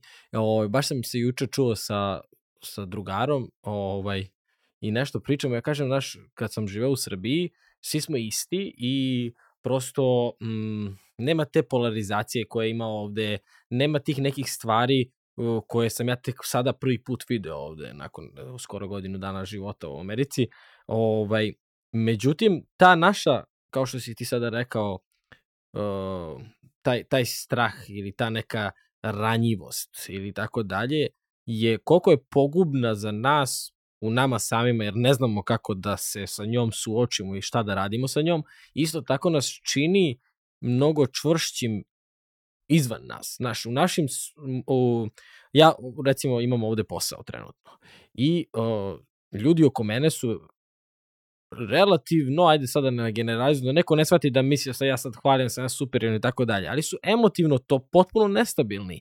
Ako se neko obrati njima drugačijim tonom, počeće da plaču ili će da, da mm. odu sa posla kući. I, I to su neke stvari koje ja nikad u životu nisam video u Srbiji, a radio sam na toliko poslova. E, to nije nešto što je meni čak i palo na pamet kao opcija. Onda mhm. recimo u mojoj komunikaciji sa mojim menadžerima, gde, gde sam ja na prvom danu, u prvom danu, pre nego što smo krenuli da radimo, sam ja rekao, e, hajde da krenemo sedam dana, možda se ja vama neću svidjeti, možda se vi meni nećete svidjeti. Gde je moj menadžer rekao, wow, kao baš si direktan. Znaš, ja sam rekao, pa čekaj, nis, nisam te uvredio, nisam, znaš, kao, izvini ako, sam, ako si me shvatio pogrešno. Ne, ne, kao, nego nikada... Samo nismo navikli. Nikada mi to niko nije rekao tako. I sada danas, evo koliko sam tu 7 meseci otprilike radim na tom poslu, moj menadžer i ja imamo fantastičan odnos, gde on skoro je kupio mm. Teslu, ono, ej, ajde da probaš, ajde da vidiš. Znaš, kao, nije zvao neko ko radi tu 10 godina u toj firmi, Jasne. nego je zvao mene ko Jasne. radim par meseci. Znaš, Jasne. i kao potpuno imamo, ja vidim to kao našu prednost. Ja vidim kao našu prednost tu povezanost. Sigurno. To što ja hoću Sigurno. kuću na tri sprata da bi cela moja porodica živela tu. Ja to vidim kao našu snagu. Znaš? Jeste. I, Jest. i mnogo Donela mi je... ima svoje prednosti mm -hmm. mane. I jedno drugo ima svoje prednosti i mane. Pravo si. Ali kada se izvučaš izvan toga, kada dođeš u nešto što je potpuno drugo okruženje koje funkcioniše na potpuno drugačiji način, ja onda vidim mnogo više te prednosti. Kada sam tamo, ja onda vidim mnogo mana, jer osjećam Tako na koži. Ali kad kako Tako. sam izašao, ja sam, čekaj bre, pa ovo, pa ovo, ovo je pravi način. Pa si čuo nekad za nekog našeg čoveka da se nije snašao inostranstvo? Da, da, da, da. Pa došao sam ovde, pozdrav za Boškića ako bude gledao, to je jedan čovek, ovaj, mislim ima decu moje godište i tako dalje, ima prodajeće vape, ima svoju firmu, ne znam, rade pločice, ovo, ono, ima svoj tržni centar ovde, čovek sve radi. Znaš kao, naš, kao, može. Na, drugačiji smo, drugačiji smo definitivno i treba budemo ponosni na to, je, znaš, i mnogo mi je, mnogo mi je drago kada, kao, moj ponos što sam sa Balkana je mnogo, mnogo veći nego, nego nisam bio ni svestan u stvari svi tih stvari koje, uh, koje su nekada bile muke, Znaš, kao, nisam, ja, nisam imao težak život, da me ne sad neko ne shvati mm. pogrešno kad pričam. Ali prosto, znaš, ti kad prolaziš kroz nešto, tebi to bude neka teško. Da. Znaš, e, da. sad, ja to danas kad vidim i, znaš, kao, To je moja najveća prednost. To što sam naučio kako ću da pričam Mhm. sa, sa nekim ko je iznad mene i kako ću da, da uh, uvažim nekog ko je ispod moje pozicije, na primjer. Znaš, kako ću se ponašati, gde je, mislim, postoji ona naša stara, kod, ja mislim da je to iz našeg naroda, nisam siguran da je to ovde prihvaćeno kod stranaca, ali to je kao, uh, ko može ti završi naj, posao? Tetkica u školi. Da. Ko može ti sredi Ja. neopravdani, ko može da te pusti ranije? Tetkica. U firmi, Tako je. ona što nosi kafu, ona te, ona te uvodi kod šefa, a ne Yes. šef sekretarica. Ne, ona ti ne treba. Yes. Znaš, Yes. tako yes, da yes. ovaj prosto naučiš te neke stvari koje koje funkcionišu i znaš, to je ono to je ono što je naša prednost kad dođemo, kad dođemo odatle Mi sa ovih prostora smo brušeni dijamanti u stvari. Mm. Baš onako obrađeni, ovaj, e, e, naučeni, istrenirani. Samo što to nama kad, kad smo ovde e, deluje dosadno, deluje učmalo, deluje zato što već, ve- već isto, je tako? Ovaj, I mi smo navikli da se, da se mučimo. Mi smo navikli da, da idemo kroz, ta, kroz te neke teže oblike, ovaj, da, da kroz na teži način shvatimo stvari, između ostalog, ovaj, i sve nas to nekako ovaj, zapljuskuje iskustvom. I onda, e, verovatno, kada dođemo tamo negde, postajemo, postajemo ovaj, e, e, tek onda, onda postajemo svesniji, zato što se poredimo. Mhm. ovaj, mi, mi se ovde poredimo sa sličnima i onda je to, ne primećujemo tu neku razliku. Ali kad ti izađeš tamo u neku drugu kulturu, neku drugu ovaj, priču i uporediš se malko s tim, e ti onda tek vidiš koje su tvoje karakteristike koje mane. E sad nije uvek dobro poređenje, e, e, za- zašto, zašto mi patimo e, e, ovaj, kad smo ovde? Zato što se ne poredimo sa sobom od juče. Mi imamo slabu samosvest. O, mi, mi ovde. Slabo, zato što slabo radimo na sebi. Nas život brusi, nas okolnosti bruse, nas sve što se spolja dešava brusi, a mi slabo imamo tu naviku da, da, da, da budemo samo analitični, samo svesni i tako dalje. I, I mnogo bi nam bilo lakše i danas ovde kada se ne bi orijentisali na, na okolinu i sa Perom, Žikom, Mikom se ovaj, uporedili kako on može, kako, kako ja sad ne mogu ko on i ne znam nije šta, nego se okreneš unazad i pogledaš kažeš pa čekaj šta sam ja bio pre, pre 7 meseci. Ili šta sam bio pre, prošle godine u ovo vreme. Ili pre dve godine. Rekao si na početku isto uh, rad na sebi i ovaj sad si spomenuo ponovo. Šta je za tebe rad na sebi? U- upravo možda ovo. Ne, po, ne porediti se sa drugima, porediti se sa sobom od juče. Znači, e, e, neki proces, ja nešto radim i ništa što, ne, što radimo ne, ne, nije uzalud.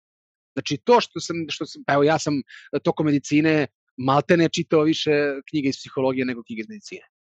I to nisam studirao psihologiju. I, i, I neko bi rekao to, mislim, šta to gubiš vreme, tako? Ili šta to, ni meni nije bilo jasno zašto ja to čitam. Meni izgleda malo bilo pomešano, to je tako, pisao sam medicinu, ni sam nego što sam upisao, imao sam neki, ono kao, moji roditelji su bili lekari, pa ide mija, ide lepo mi ide biologija, lepo mi ide hemija, snaći ću se, to mi Genetski, je bila tra, logika. transgenetski. To. Transgenetski. Ali to mi je, znaš, ali sad kad vratim film, pa mislim da to što znaš dobro biologiju i hemiju uopšte ti ne znači da ćeš biti dobar na medicini. Ali nema veze. I, ovaj, i, i nekako onda počneš da čitaš, pa uspoznaš neke druge knjige, neku drugu literaturu, neku drugu tematiku koju ne studiraš, ali čitkaraš. I meni da je tada neko rekao da ću ja se mnogo više time baviti nego klasičnom medicinom, ja ne bih verovao. A u tom trenutku nisam znao zašto to čitam. I svako drugi koji bi to video rekao je da čoveče pusti te knjige, više čitaj tamo neku ovaj ne znam neurologiju ili ili ili ili ili ovaj kako se zove patologiju, ne znam nije šta. Je tako? Ali ti ne znaš zašto neke stvari u nekom trenutku radiš i ne treba se time mnogo ni opterećivati. Ono što te zanima u datom trenutku ostane. Kaže nekada, znaš, bitno je samo da, da, da ne ostaneš dugo na nekim preteranim glupostima. Da to ne bude ono što ti rekao TikTok, znaš, pa sad ovaj, a, a, da me navuče neki algoritam da gledam 100.000 ovaj kako se zove. Ali pazi, čak i tad ništa se ne zna. Pazi, ja na primjer ostanem sat i po a, a, a, i gledam te neke kuvare i kako spremaju hranu. Ko zna, znaš, možda ja od psihoterapeuta postanem vrhunski kuvar. Znaš, otvori restoran. Ti nikad to ne možeš da znaš u životu. A to se sve desilo zbog toga što te je zainteresovao tamo neki TikTok, pa si ti ušao u, veću tematiku, pa si otkrio još jedan talent i ne znam nije šta je.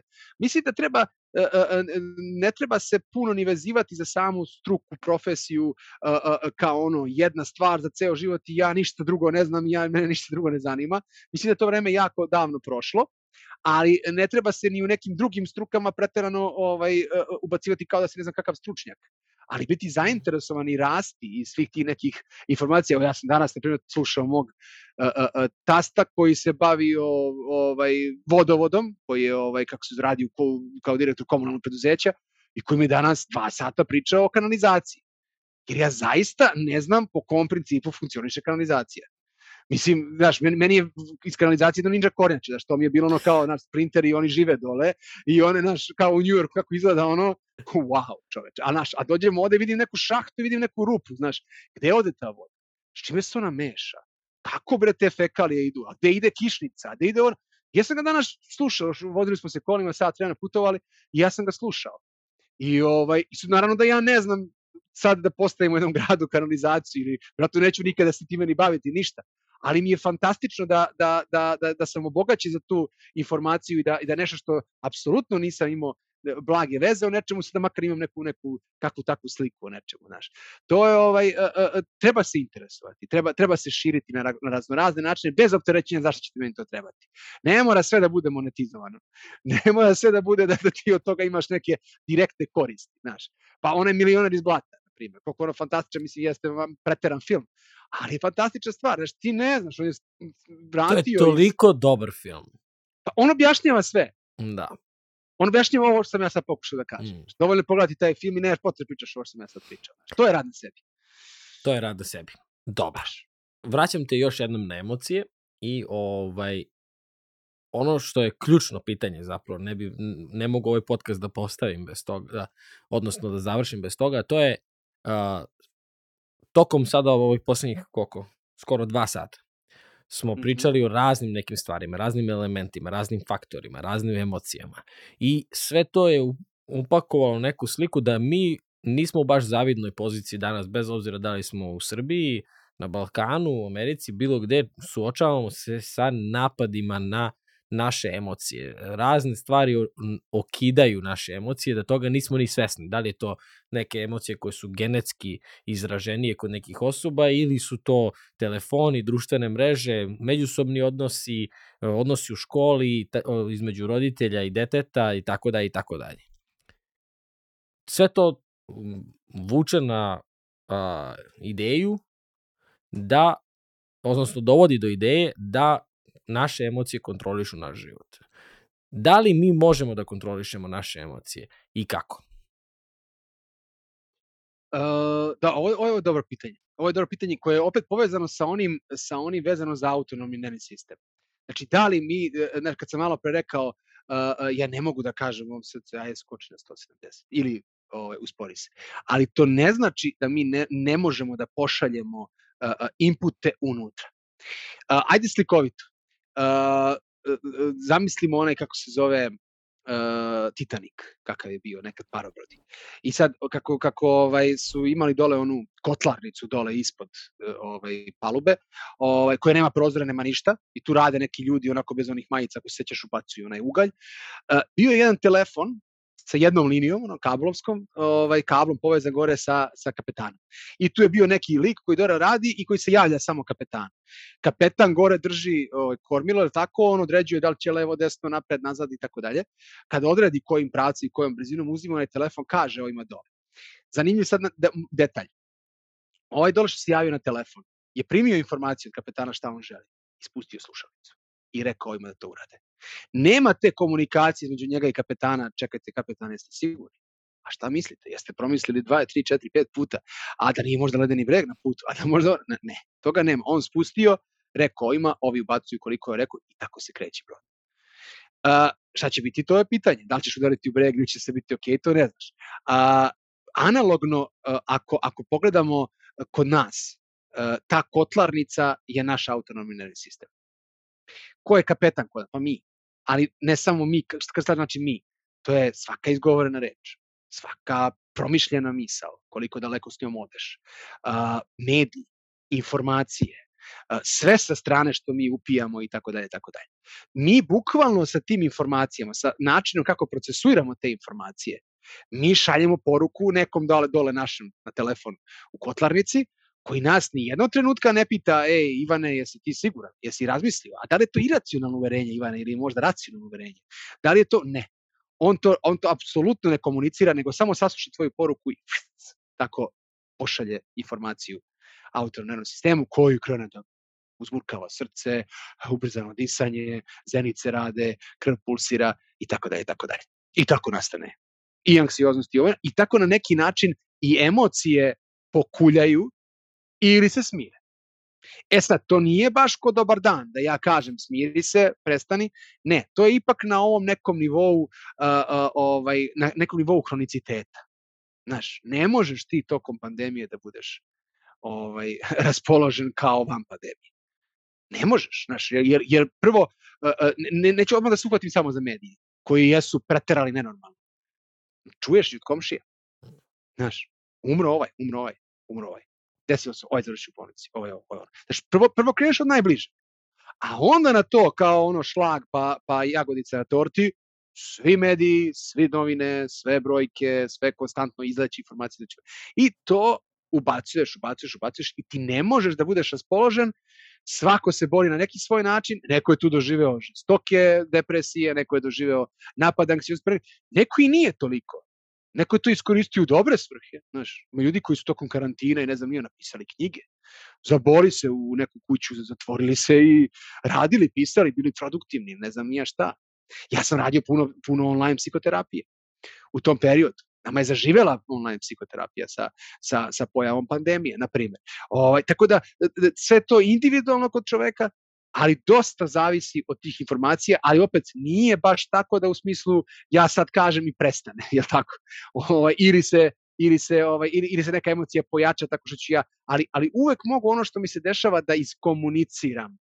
Da pokušavam da iskomuniciram sa tom sa tom sa tim osećanjem koji mi koji koji želim da ubacim unutra taj moment koji, koji meni taj telefonđija dole iz kotlarnice ne govori, to moram sam ja da uradim.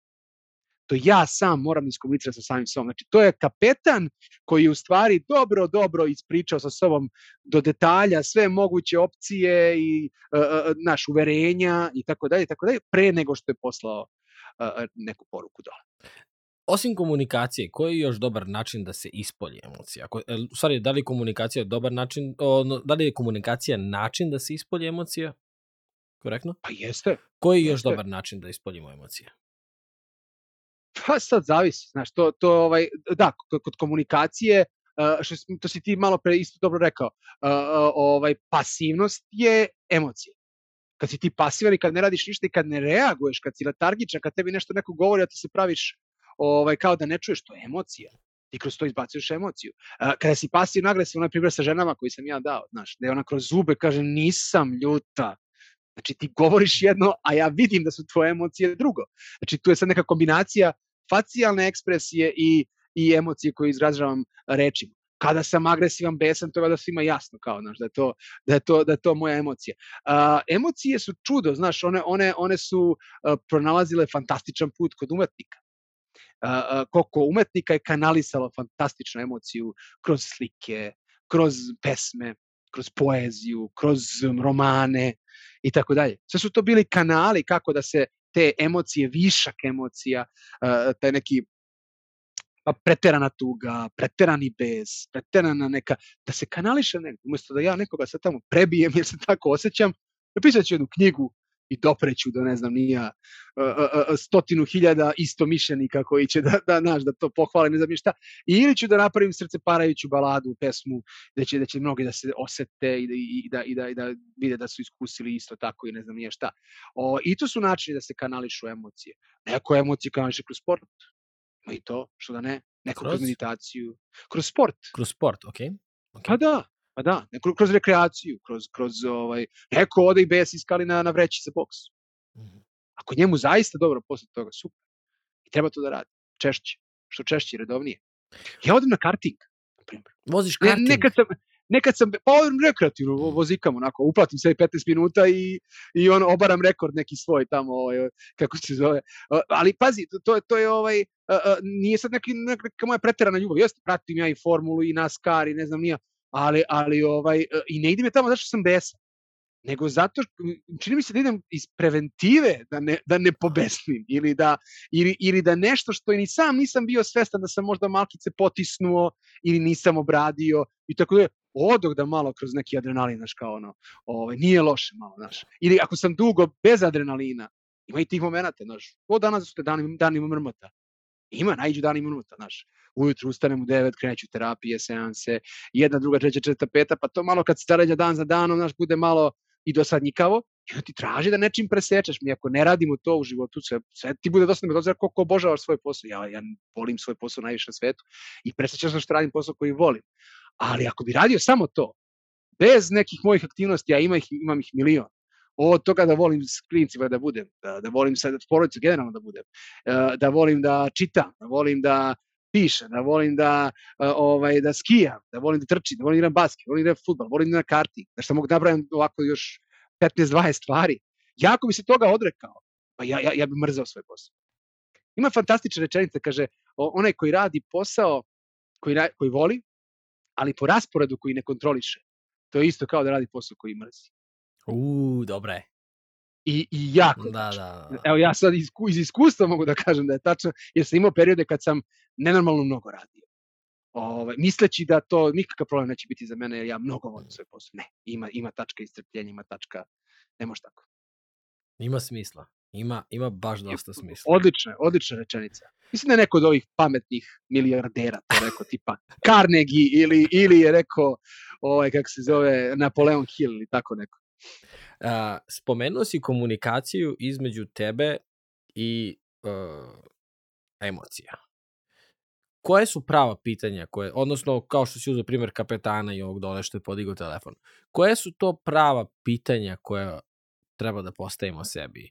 Jer kon konkretno mi se tu igramo, igramo tu neku igru reči sami sa sobom i uglavnom je to neko pitanje koje je okrenuto ka nekoj kritici, samo kritici ili nekom samo napadu ili pak obrnuto kritika neke okolnosti ili neke druge osobe oko nas gde mi ne preuzimamo odgovornost.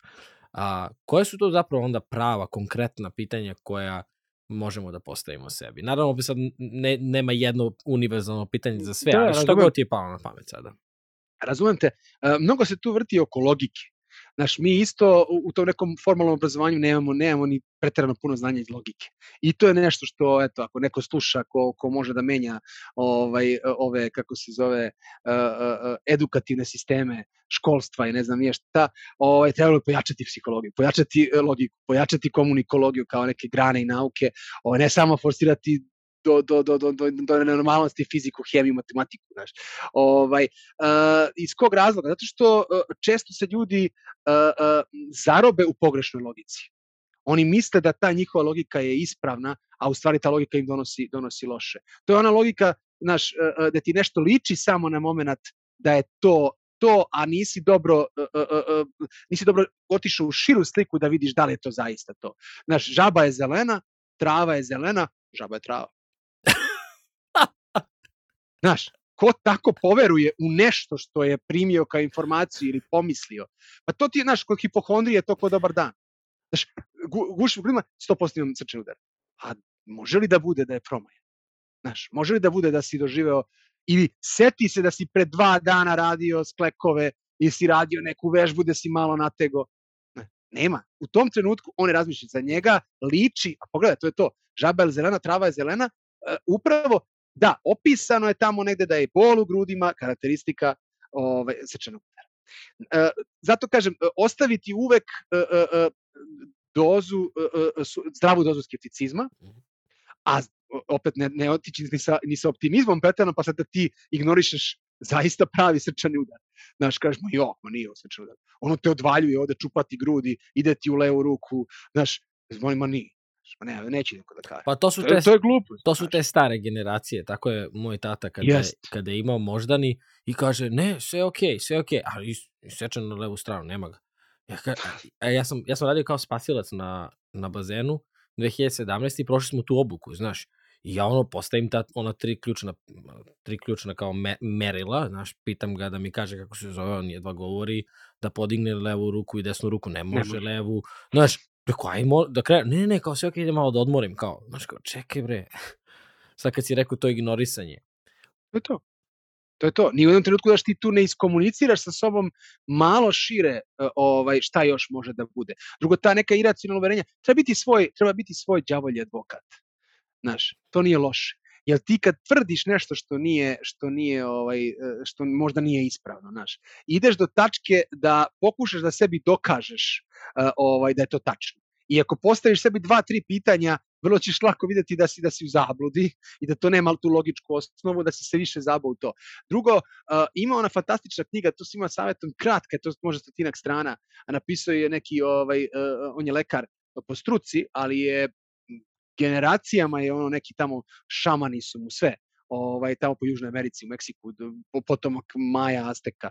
Ovaj uh, Don Miguel Ruiz se zove, četiri, a četiri sporazuma. To sam, slušaj ovo, izvini, moram, moram da te prekinem. To sam pročitao desetak puta u životu i pre neki dan sam pročitao i pročitao sam odmah nakon nje peti sporazum.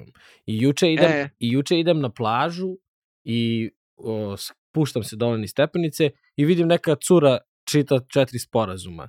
I ja kao, ok, kao, znaš, ja spuštam peškir i pored mene dolaze muž, žena i, i malo dete i žena vadi knjigu četiri sporazuma.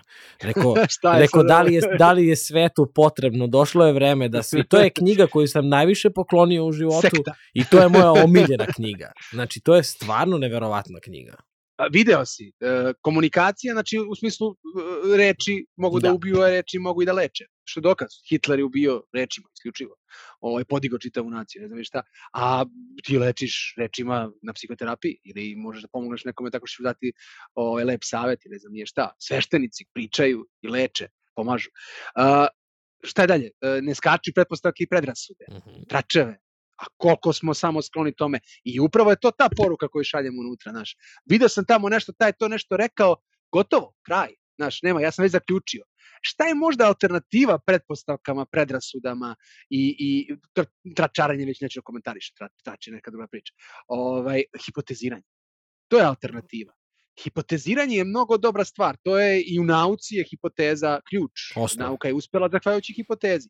Znači, ok, ja pretpostavljam nešto, ne postoji glupa hipoteza, mogu da pretpostavljam bilo šta na ovom svetu, ali idem ka tome da ispitivanjem, pitanjima, razgovorom, ovim, onim ili eksperimentima u nauci, potvrdim do, do tančina to ili opovrgnem tu hipotezu. To je alternativa skakanju u pretpostavke i, i, i predrasude.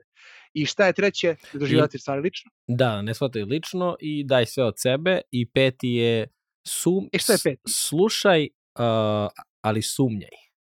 Kao slušaj, to što si ti rekao, da budeš skeptičan, znači da ne prihvatiš sve skeptičan. zdravo za da. gotovo, da. nego da, mm. pre, znaš, ono, da, da ti sebi to pokušaš da, da vidiš, da proveriš, znaš, baš je, baš je zanimljiv. Zapravo peti, kada, kada, kada povežeš svih pet, vidiš da je on stvarno dao plan, plan, za, plan za život, gde nikoga, niko ne može da sad kažeš da zbog religije, politike, bilo koje okolnosti ili odnosa ne pripadaš uh, toj grupi. I to mi je zanimljivo. Zato što je kao, mm. to je uradio na jedan nežan, ali grub način u isto vreme. Znači, znaš, pitak. Da, jedno, stvarno, ja mislim da je to, to, to je najbolje možda knjiga koju... Pa je neverovatno blago, blago uh, jednostavno, a, a, a, a spakovano u tako jednu malo, malo stvačicu koju svako, napisano da može svako bukvalno da razume. Odličan mu i onaj uvod, da je upravo razbija taj moment uh, programiranosti naše, od kako se rodimo, tako, ta, ta programiranost od, od, od dresiranje, roditelja, je, da, da. dresiranje, pre svega roditelja, znači roditelji, društvo, kultura, e, područje, sve, sve, sve. Znači oni ti određuju šta valja, šta ne valja. I ti si to prihvatio zdravo za gotovo. I onda tu stvaraš sve ovo što sam ja malo pre rekao, i pogrešnu logiku, i pogrešne iracionalne uverenja, i, i, i načine razmišljanja.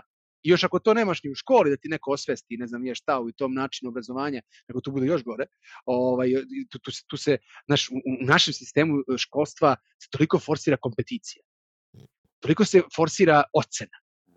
Znaš, pet je dobro, trojka je katastrofa. Znaš, trojka ti si niko i ništa. Dvojka ti si niko i ništa, pet ti si neko i nešto. A to veze s mozgom nema. Jedno i drugo, mislim. A, a, a samo se nameće kompeticija, znaš, umesto da se napravi jedan, jedan, jedan zdrav odnos ovaj, osposobljavanja ljudi za ono što ih čeka. O, Đorđe Balašević ima te fantastične priče ovaj, na njegovim koncertima. Sjećam se jednom da je rekao, kaže, Ma da, kaže, on je, on je navodno bio, bio jako loš džak. Ovaj, kaže, mnogo mi je pomogla hemija u životu. Mnogo, kaže. Benzeno prsten, kaže, koliko mi pomogla. Ja ne mogu da vam opišem. Kaže, vozim ja kola baš pre neki dan i obilazim jedan kamion i nema, nailazi drugi kamion s druge strane, ja već vidim je, ulećem u makazice, ja se setim benzeno, prsten, sinem ispred glave i kaže, ja mahinalno okrenem volan i izbegnem sudar i uletim u makazice. Ne, mnogo mi, kaže, pomogao. Je benzeno, dobro, jeste malo paradoksalno i odlazi u jednu krajnost, ali, ali je fantastična stvar koliko u stvari je samo jedna, jedna lepa poruka, zdrava poruka školstvu i ljudima koji rade u školstvu, ono, odstupite malo od tog programa i, i dajte ljudima malo onoga što ih zaista čeka u životu, jer vi upravo znate šta je to što ih čeka u životu. Znači, ti ljudi koji rade u školi su odrasli ljudi koji već doživljavaju neke uh, surovosti, da kažemo, života. I, znaš, imaš tamo neku decu. Nemoj ih, znaš, nemoj im bajke pričati. Nemoj im pričati da nešto im neće trebati. Daj da. im malo nečega i život. Da, ali kad pogledaš fakulteti, ima, bilo je to neko verovanje da prvo fakulteti su tu da te nauče da radiš posao. I onda, znaš, već yes. generacijama ti vidiš da ti završiš fakultet i da te ne, ne znaš šta je posao. Moraš da odeš Tako. na posao i onda tu kreneš po, a, o, stvarno ovako ide. I onda je bilo, ok, kao fakulteti su tu da prave radnike. Ne, ne, ne, fakulteti su tu da prave profesore. Znaš, jer ti da nisi imao praksu, ti si spomenuo da si uh, na psihoterapiji imao i praksu i išao na svoje psihoterapije. Tako. Što znači da si ti imao dodira sa poslom.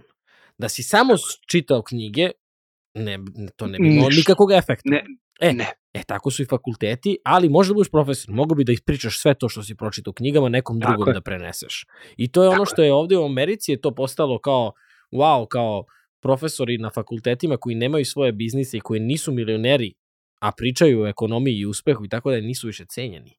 Znaš, ja sam imao mhm. sreće na mom fakultetu da mi predaje, ne znam, jedan Dejan Erić koji ima kompaniju, koji je direktor ekonomskog instituta u to vreme. Neko ko ima prakse u, u ruci.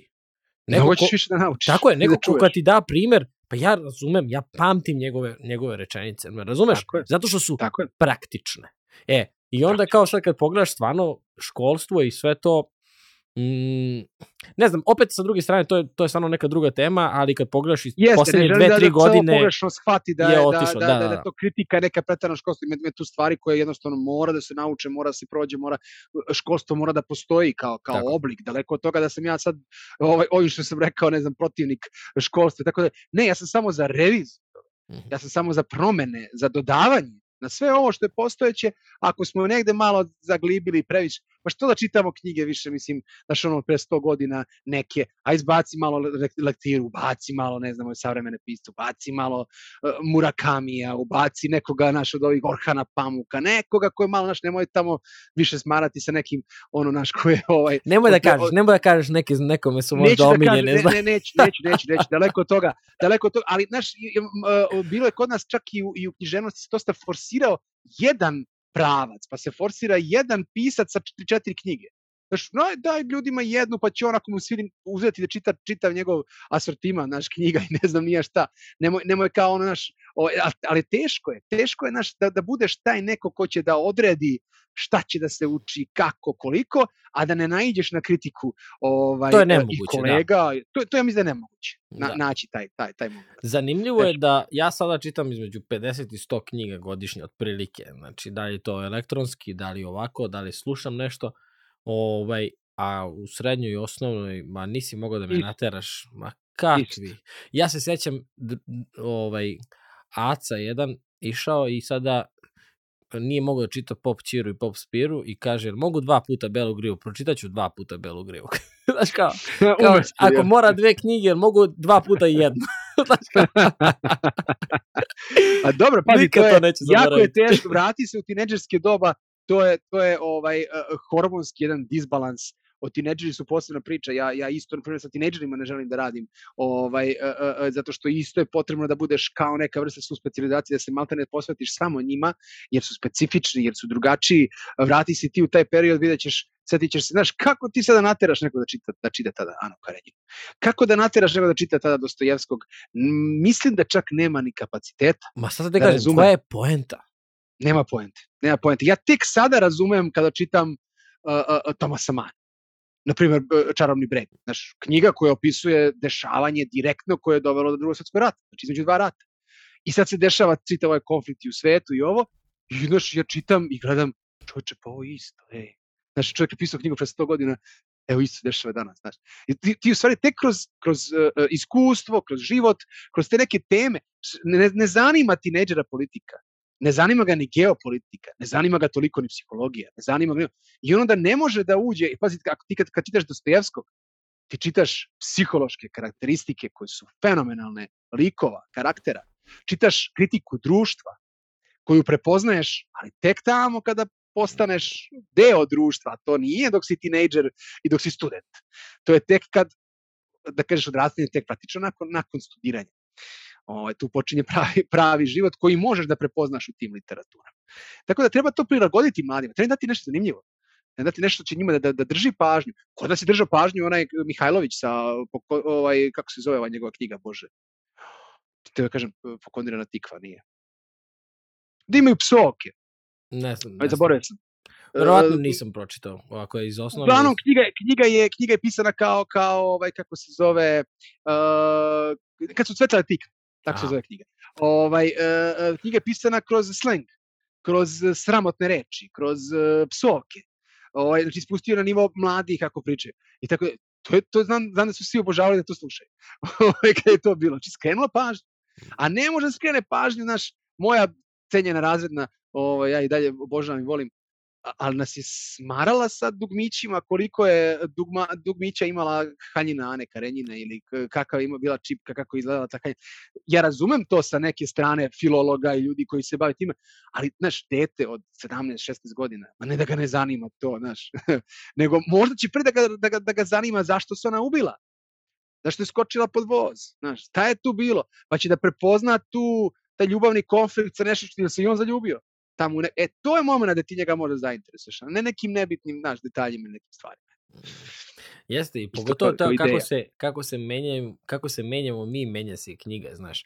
Skoro sam pročitao ponovo životinsku farmu i da. to mi je bilo kao, o čoveče, vanvremenski. Koju bi još knjigu ti spomenuo ili preporučio pored uh, četiri sporazuma iz, iz te kategorije knjiga? uf, uh, ajde da kažemo, to je popularna psihologija. I sad tu ima stvarno 80% žestokih, uh, uh, neću kažem gluposti, nego stvari koje se ponavljaju i koje se vrte oko jedne filozofije ili čak i se vrte oko jednog kvota se napravi čitava knjiga. I tu ima mnogo zamki, dobro, to je komercijalizacija i to se prodaje i ide u neku dobro upakovanu pričicu, to ide. A, mene oduševljava Mark Manson. Oh. A, a, Da, da, da. Sa, znaš, ono, ono je to, to je to. Nećemo da pričamo, na, previše se otišlo u jednu krajnost, budi samo pozitivan, budi samo pozitivan da će se pozitivno, znaš. A on kaže neće. on ide sa knjigom i kaže neće. A sad ti ti u fazonu počekaj, hoće sad da me smori, hoće baci depru. I onda kreneš da čitaš, stvari skontaš, da, ovo je dobro. Znaš, ovo jeste moment koji nije ono kao gruvan pozitivno i sve snage, zato što ima više, do duše Manson stvarno je, ovaj, on je onako i, i, i, i egzistencijalistički nastrojen filozof i, i razmišlja u tom smeru, on mislim filozof, pa je čovjek, je, čovjek, čovjek bi se sad uredio da, da, da, da, da čuva što sam ja rekao, ovaj, jer on sam sebi onako spušta ego ovaj, do, do, do, do, do dna. Ali, ovaj, ali njegova knjiga, ono, zašto se niste ubili meni, ono, fantastično, isto 250 strana, a fantastična. Ovaj, od tih malo nekih, da kažemo, new age, uh, mislim da je Celestinsko proročanstvo fantastična knjiga ko nije pročitao, mislim da je odlična. Koliko ima? Četiri, pet delova? Ja imam sve te delove. Ima, ima, nekoliko, e, ima nekoliko, da kažemo, ta, taj prvi, prva baš knjiga Celestijsko proročanstvo, ima deset uvida. Mm -hmm. uh, ima, A onda, onda ide 11. 11. 12. i uh, Tajna Šambale, uh, ja mislim da to je 13. i mislim da ima još jedan, čini mi se. Ovaj, uh, sve sam na suštini pročitali jako davno i mislim da ću se ponovo vratiti, jer odlična onako neka perspektiva uh, alternative uh, ovaj, svemu ovome što se, što se dešava danas i novo načine to nekog razmišljanja. Uh, baš sam se fascinirao kada sam, kada sam ovaj, sticam okolnosti, uh, sam bio u Makedoniji bio sad već poodavno, već ima deseta godina, s mora smo se nešto vraćali i sad je kao da svratimo memorialni muzej ovoga Tošeta Preskog. Ovaj, on je bio onako specifičan lik. Uh, I sad, ovaj, mislim, to sam mogla čuti iz njegovih intervjua. Ta neka njegova duhovnost, neka njegova produhovljenost, mir, uh, ne, fantastičan onako ovaj tip bio. I ovaj i jako je bilo zanimljivo kada sam video oni su celu njegovu malo onako i tužno, ovaj celu njegovu ne znam stan kakav je bio, kakav je ostavio pre pogibije i sve, sve su to preneli na muzej. Bukvalno pre, pre, preneli stan u, u, muzej i ostali su neke knjige koje on držao tu na polici koje čito do nedavno. Čak je ta tajna šambale onako bila okrenuta na, na, na tipa da je pročitao 150 strana, ali me je fascinirao da je on čitao tajnu šambale. Da je čitao Most preko dugovečnosti uh, od Richarda Baha, koji je napisao fantastičnu knjigu uh, Galeb Jonathan Livingston, knjiga od 60-70 strana, genijalne metafore. Uh, šta bih još mogao da, da, da, da preporučim? Uh, od tih, od tih da kažeš malo, malo ovaj, iz, te, iz te priče. Uh, odlična mi je knjiga Koliba. Ona mi je promenila dosta perspektivu religije uh, i tog i tog doživljaja ovaj i Boga i Isusa i cele te priče.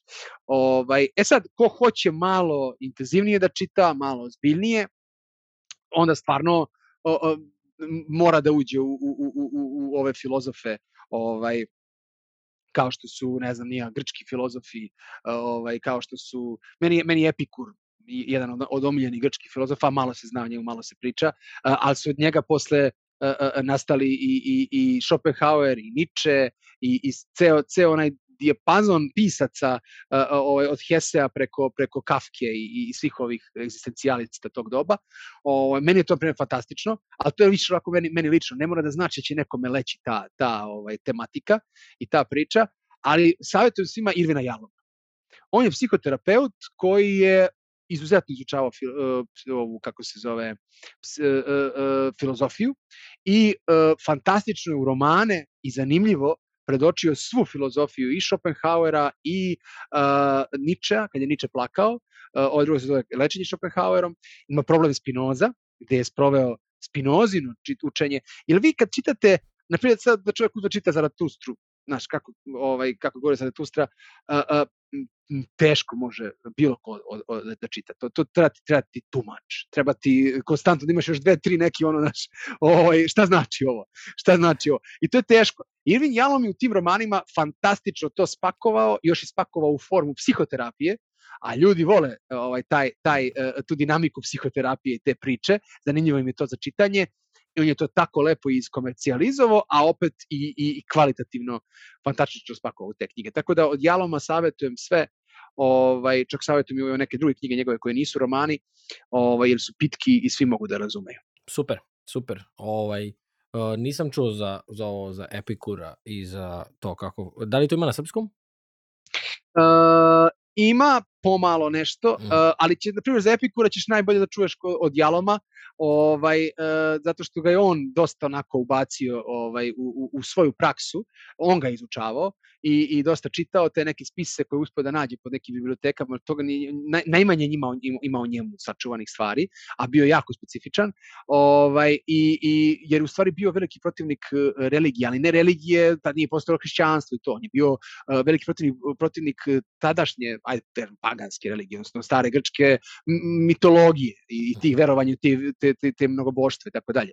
Ovaj, I on je ta tvorevina, da kažemo, egzistencijalističke filozofije u smislu ne znam šta je posle smrti, i ne zanima me.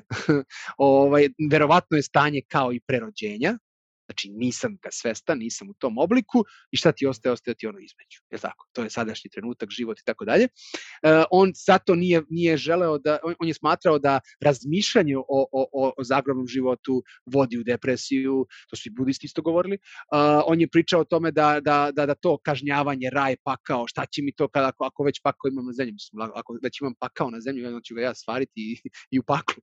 Ništa se ne promeniti, je tako? Ovaj, ima te neke momente, uh, u, u izražavanju te njegove filozofije koja se i posle prenela, ali su ga dosta optužili na hedonizam ali on u suštini nije bio hedonista, e, ali su neki kasnije iskoristili to njegovo u fazonu, e, naš, sada i ovde sve u sadašnjem životu, jedan je život, pa daj da ga naš, ono, do daske ovaj, koristim i kao jelo, piće, žene, ovaj, znaš, kocka, šta se može, ovaj, ali to je e, e, baš pogrešno tumačenje njegove, jer on je, on je govorio dosta i o toj zlatoj sredini. On je govorio gde je ta, ta, ta zdrava granica. Ono što sam ja malo pre rekao, ovaj, uh, uh, sve stvari na ovom svetu su u pravoj dozi lek, u pogrešnoj dozi otrov. Tako da, ovaj, eto, ako ja budem taj moj čuveni roman koji je još uvek u, u nivou kostura, ovaj, ali imam nameru da napišem roman po, po principu Jaloma, kako je on pisao, da bude psihoterapeutski, a opet da ima i elemente trilera i, i te neke edukativne e, elemente ove, filozofije, uh, imam ideju da, da i Epikura provučem onako jako, jako puno kroz to, jer sam ga, dosta, dosta sam ga ja, ja ovako izučavao na svoju ruku. Pazi, super pričaš, baš, baš bih volao da pročitam tvoju knjigu. ja se nadam da ću ga napisati, da ću odvojiti to neophodno vreme i, i znaš, kad imaš sve u glavi i tu je negde, i, i znaš, imaš ga čak i u beleškama, ali moraš da sedneš i da kreneš da, da, da, da, da to, ba, dok ne baciš papir, ostaje samo na nivou ideje. Da, da, i pazi, znaš šta, nikad knjiga nije završena, ti samo jednom trutku odustaneš od pisanja od nje i samo je daš da je štampaju, tako da, ovaj, mm, da, da, da znaš. Ali, ovaj, hvala ti što si podelio sve ove fantastične primere, što si ispričao sve ovo što si, što si mi, ili što si nam ispričao i sve ove knjige ovaj, koje si sada spomenuo, definitivno ću da da bacim pogled na neke od njih i da ih stavim na, na moju listu koja svakog dana raste. O, ja obožavam isto Mark Mansona, on mi je onako genijalan je i, ka, i kako priča i njegov blog. Mm. Uh, volim tu direktnost, zato ja mislim da je on ovde njima toliki wow, jer on im baš kaže to direktno, znaš. Ovaj, a, gde ljudi mogu da te pronađu? Rekao si da u poslednjih koliko dve, tri godine radiš uglavnom online zbog cele ove situacije. Uh, tvoj sajt stoji dole u opisu, bilo da gledate na YouTube ili slušate na bilo kojoj podcast aplikaciji. A gde, gde je najbolje, kako da se ljudi jave, šta mogu da očekuju od rada sa tobom, kako funkcioniše rad sa tobom? Uh -huh. Pa uh, ja ovaj um, koristim dosta Instagram za komunikaciju sa svojim, e, zato što tamo imam, imam, ovaj, poneviš ljudi koji prate ovaj, te, te moje, uh, uh, uglavnom, uglavnom karusele pišem i onda, i onda ljudi ovaj, vole da čitaju te, to je postalo baš onako popularno, uh, kratka forma, a da se ipak nešto kaže, ovaj, a ja tu nekako pokušavam svo to neko iskustvo da sumiram sa, sa, sa psihoterapije, ali malo i, i te teorije, ovaj, da ubacim, uh, tako da tu mogu da mi ljudi nađu i iskomuniciraju najbrže, da, da kažem, sa mnom, ali naravno, sajt, mail, tu je, tu je sve, jeste, u poslednje vreme je online psihoterapija, šta će biti sa tim, ja stvarno sad ne mogu da predvidim budućnost. Uh, ja i ranije kad sam počeo po malkice da radim psihoterapiju, ja sam radio i online. Radio sam i uživo, radio sam i online, Uh, jer meni nikad nije bio stran ovaj način komunikacije. Uh, uh, mi se vidimo, imamo facijalnu ekspresiju, čujemo se, mreže su danas fantastične, odlično se to sve sinhronizuje. Jest, fali u ovoj našoj priči govor tela i mi nekad i gledamo da li čovjek prekrstio noge, da li radi ovako rukama, da li mu nešto nervozan i tako dalje, što možda može da ti promakne ovde, ali m, mm, to je jedan segment Tako da možemo njega na, na nekom nivou da zanemarimo i da ostavimo ovaj kontekst, uh, ali ne može psihoterapija obstati samo u online obliku, ona se mora delimično vratiti i u taj živi oblik. Uh, kad će, kojim tempom, neki, neki terapeuti rade i, i, i sada rade uživo, uh, ja se još uvek nisam vratio jer je, jer je nekako uh, moji klijenti su, uh, ovi što su redovni, da kažem, i, i ljudi koji su sa mnom u tom terapijskom procesu, oni, oni su nekako ovaj, baš postali u fazonu ja neću da, da, da se cimam. ovaj, drugo, to više nisu samo ljudi iz Beograda, to su ljudi iz drugih gradova po Srbiji, što je opet velika, veliki benefit online-a, što su i drugi ljudi kojima je nedostupna čak psihoterapija došli do psihoterapeuta raznih. A, zatim naši ljudi po inostranstvu kojima je potrebna psihoterapija ovaj, koriste na svom maternjem jeziku. E, ja solidno pričam i engleski, tako da i sa ponekim strancima volim da odradim. Ovaj, e, to isto jako zanimljiv segment, ja sam bi ubeđen da ja ne znam engleski. Ovaj, i, I onda sam iz nekog razloga, pošto ja imam taj moment malo hrabrosti u sebi ovaj, i nekada i, i samopouzdanja, iako nisam siguran, ovaj, ja, sam, ja sam se odlučio za par nekih klijenata jako davno da, da probam ništa će da bude. Ovaj, i, I onda kad sam ja u stvari video da ja, da ja mnogo bolje pričam nego što mislim i da ja čak bolje pričam i od njih, onda je to meni dalo dodatno samopouzdanje pa sam i, i počeo te strane klijente jedno vreme da, da onako da, da kad naiđe neko da je zainteresovan da prihvatim. E sad zbog velikog obima ovaj klijenata mnogo ljudi zove, mnogo ljudi pita i traži psihoterapiju, ovaj, ja sad ne mogu sve da radim i, i, i svašta nekada i nemam dovoljno vremena, nekad mi se otvori period kada mogu da primim novih deset ljudi, nekad mi se otvori kada ne mogu iz nekih razloga da primim ovaj, ili je prezauzeto. E, ja sam zato počeo da, da, da pravim i određene radionice na određene teme i, i trenutno imam neke dve radionice koje konstantno ovaj, već dve godine ovaj, sprovodim online preko, preko Zuma. Ovaj, jedna je kako prihvatiti emocije, gde baš, baš još, još, još detaljnije pričamo u odnosu na ovo što smo mi danas pomenuli. Ovo je danas kao neka vrsta tizera, da kažemo za to. Ovaj, I sad sam pokrenuo jednu, jednu ovaj, radionicu koja se zove ovaj, veza brak i dejt, jer je to onako opšta tema jako puno ima ima ovaj uh, uh, raskida, razvoda, problema u vezi i nekako ja sam to ovaj nekako uh, povezao sa, sa kulturološkim aspektima i sa odrastanjem i sa razvojem i sa svim tim nekim stvarima ovaj, i, i sa nekom ovaj, primerima iz prakse i vidim da se, da se, da se to ovaj, polaznicima tih radionica izuzetno sviđa. Tako da i nam, nameravam još nekoliko radionice da napravim i, i tako da i tako klijenti mogu doći do mene u smislu da eto ko možda ne može da ili neće psihoterapiju, a hoće nešto da, da, da čuje, jer ja tu stvari, to su interaktivne radionice, ja to ne volim ex katedra i držim predavanje i ne znam, nije, ono, idu slajdovi, ono, to, to, to znam da sam spavao i sam na fakultetu, ne želim tako, tako da priradim ljudima ovaj, koji, koji žele nešto da nauče. Ovaj, pa sam, eh, pa mi je to baš onako sa puno primera i eh, puštam ljude da konstantno pričam da postave pitanja, da iznesu svoje mišljenje, da podele svoje, ovaj, mi se svi tu uh, uh, zakunemo po znacima navoda, odnosno pod, pod etičkom smo, uh, ovaj, kako se zove, obavezan da čuvamo uh, informacije ako tu 10 ljudi na radionici ili 15, da ako neko ispriča nešto intimno, da, da će to biti ovaj sigurno, da će ostati na nivou grupe. Ovaj, tako da ljudi nekad i podele neko svoje iskustvo i to bude fantastično isto, onako nekako proširimo tu priču pa se nadovežemo na iskustvo. Tako da te radionice baš uživam u njima mnogo volim te radionice, ovaj, isto koliko, koliko volim i taj, i taj rad. Ljudi nekada razmišljaju da je, da je, da je individualna psihoterapija ono što je psihoterapija terapija. To možda malo više viđaju po serijama i filmovima na Netflixu, pre svega, ovaj, i tako, tako zamišljaju psihoterapiju. U suštini, e, e, mnogo bolji efekat psihoterapije kada dođu parovi, kada dođe porodica, kada dođe šire. Zato što tu nema da on priča o tamo nekome koga ja ne vidim. I, i e, e, nema njegova verzija te priče, nego sada vidim obe verzije. Onda vidim kako komuniciraju pa se vidi kako oni međusobno tu uh, i eskaliraju na moment, nekad se posvađaju na terapiji, a nekad se pomire na terapiji. Ima tu fantastičnih elemenata koji su mnogo bolji nego individualna psihoterapija. Baš jedan kolega je skoro rekao ovaj, na jednom kongresu, kaže, na individualnoj psihoterapiji 90% vremena terapeutskog pričamo o nekoj trećoj osobi. I to je gotovo i to je gotovo uvek. Ovaj zaista. I ali dobro, mi imamo tu neke tehnike cirkularnih pitanja, pa onda nekako pokušavamo da oživimo te ljude koji su ovaj koji su iz njihove sredine ili koji su neposredno uključeni na, na taj problem.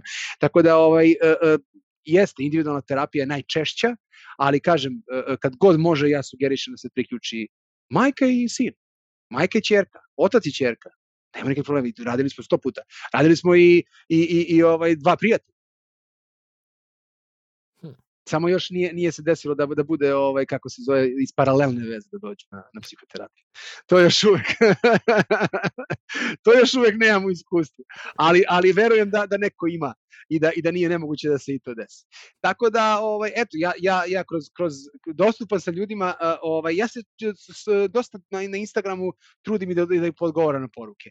Jest, što više dolazi pratilaca, to je više poruka i ja sad sve više više se izvinjavam što ne mogu da da ovaj da svima odgovorim ili ne mogu da odgovorim na vreme nekada to potreba, ali e, malo sad skrećem pažnju ljudima da, da, da kad mi postave pitanja da budu baš konkretizovani, da ja pokušam da ih usmerim samo, ne mogu davati nikakve savete a, tim putem i to je tako neetički i tako ne, ne, ne, nije okej. Okay uopšte i onda stvarno se trudim da, da ostanem u tom, tim granicama e, e, etičnosti, a da, a da opet ljudima dam makar smernicu u kom smeru šta i kako mogu da, ako ne ono direktno rešavaju taj problem, da makar znaju gde da idu, u kom, u kom pravcu i u kom smeru, kad mi se, kad mi se obrate sa tim.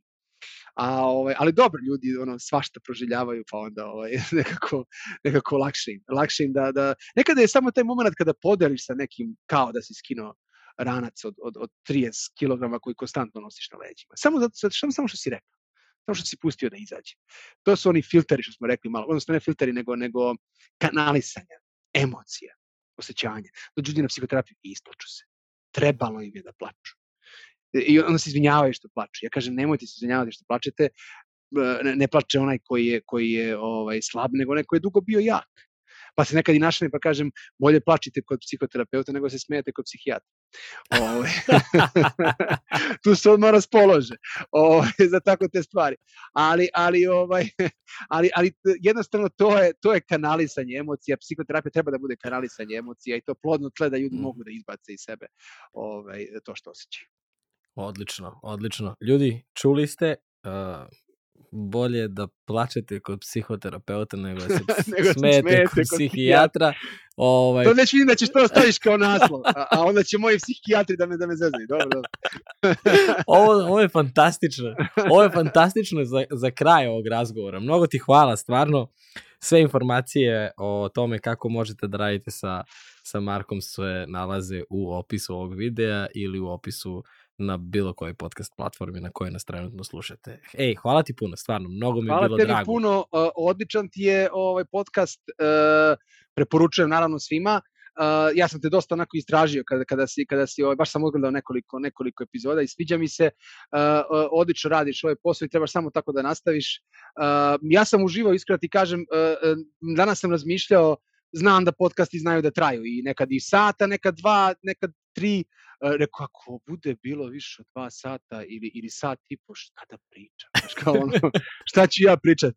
Ali odlično si me i otvarao pitanjima i ispratio mm. i, i tu smo na, na, na, na, na, na, nekako tematika nam je ovaj, zajednička. Drago mi da si ti u toj priči i nekako kad, kad dvoje koje zanima ta tema, mislim da ne može da ne bude ovaj zanimljivo i široko i produktivno. Ma da, ma da, ali uh, ja nikada ne brinem o, o tome koliko će da traje. U smislu, samo sam te pitao pre početka kao si ograničen vremenom i nikad ne znam znaš, nikad ne znaš u kom pravcu može da ide, ali čim smo... Imam jako divnu ženu koja je fleksibilna i, ovaj, i koja, koja me toleriše. Koja razume, koja, hvala i njoj.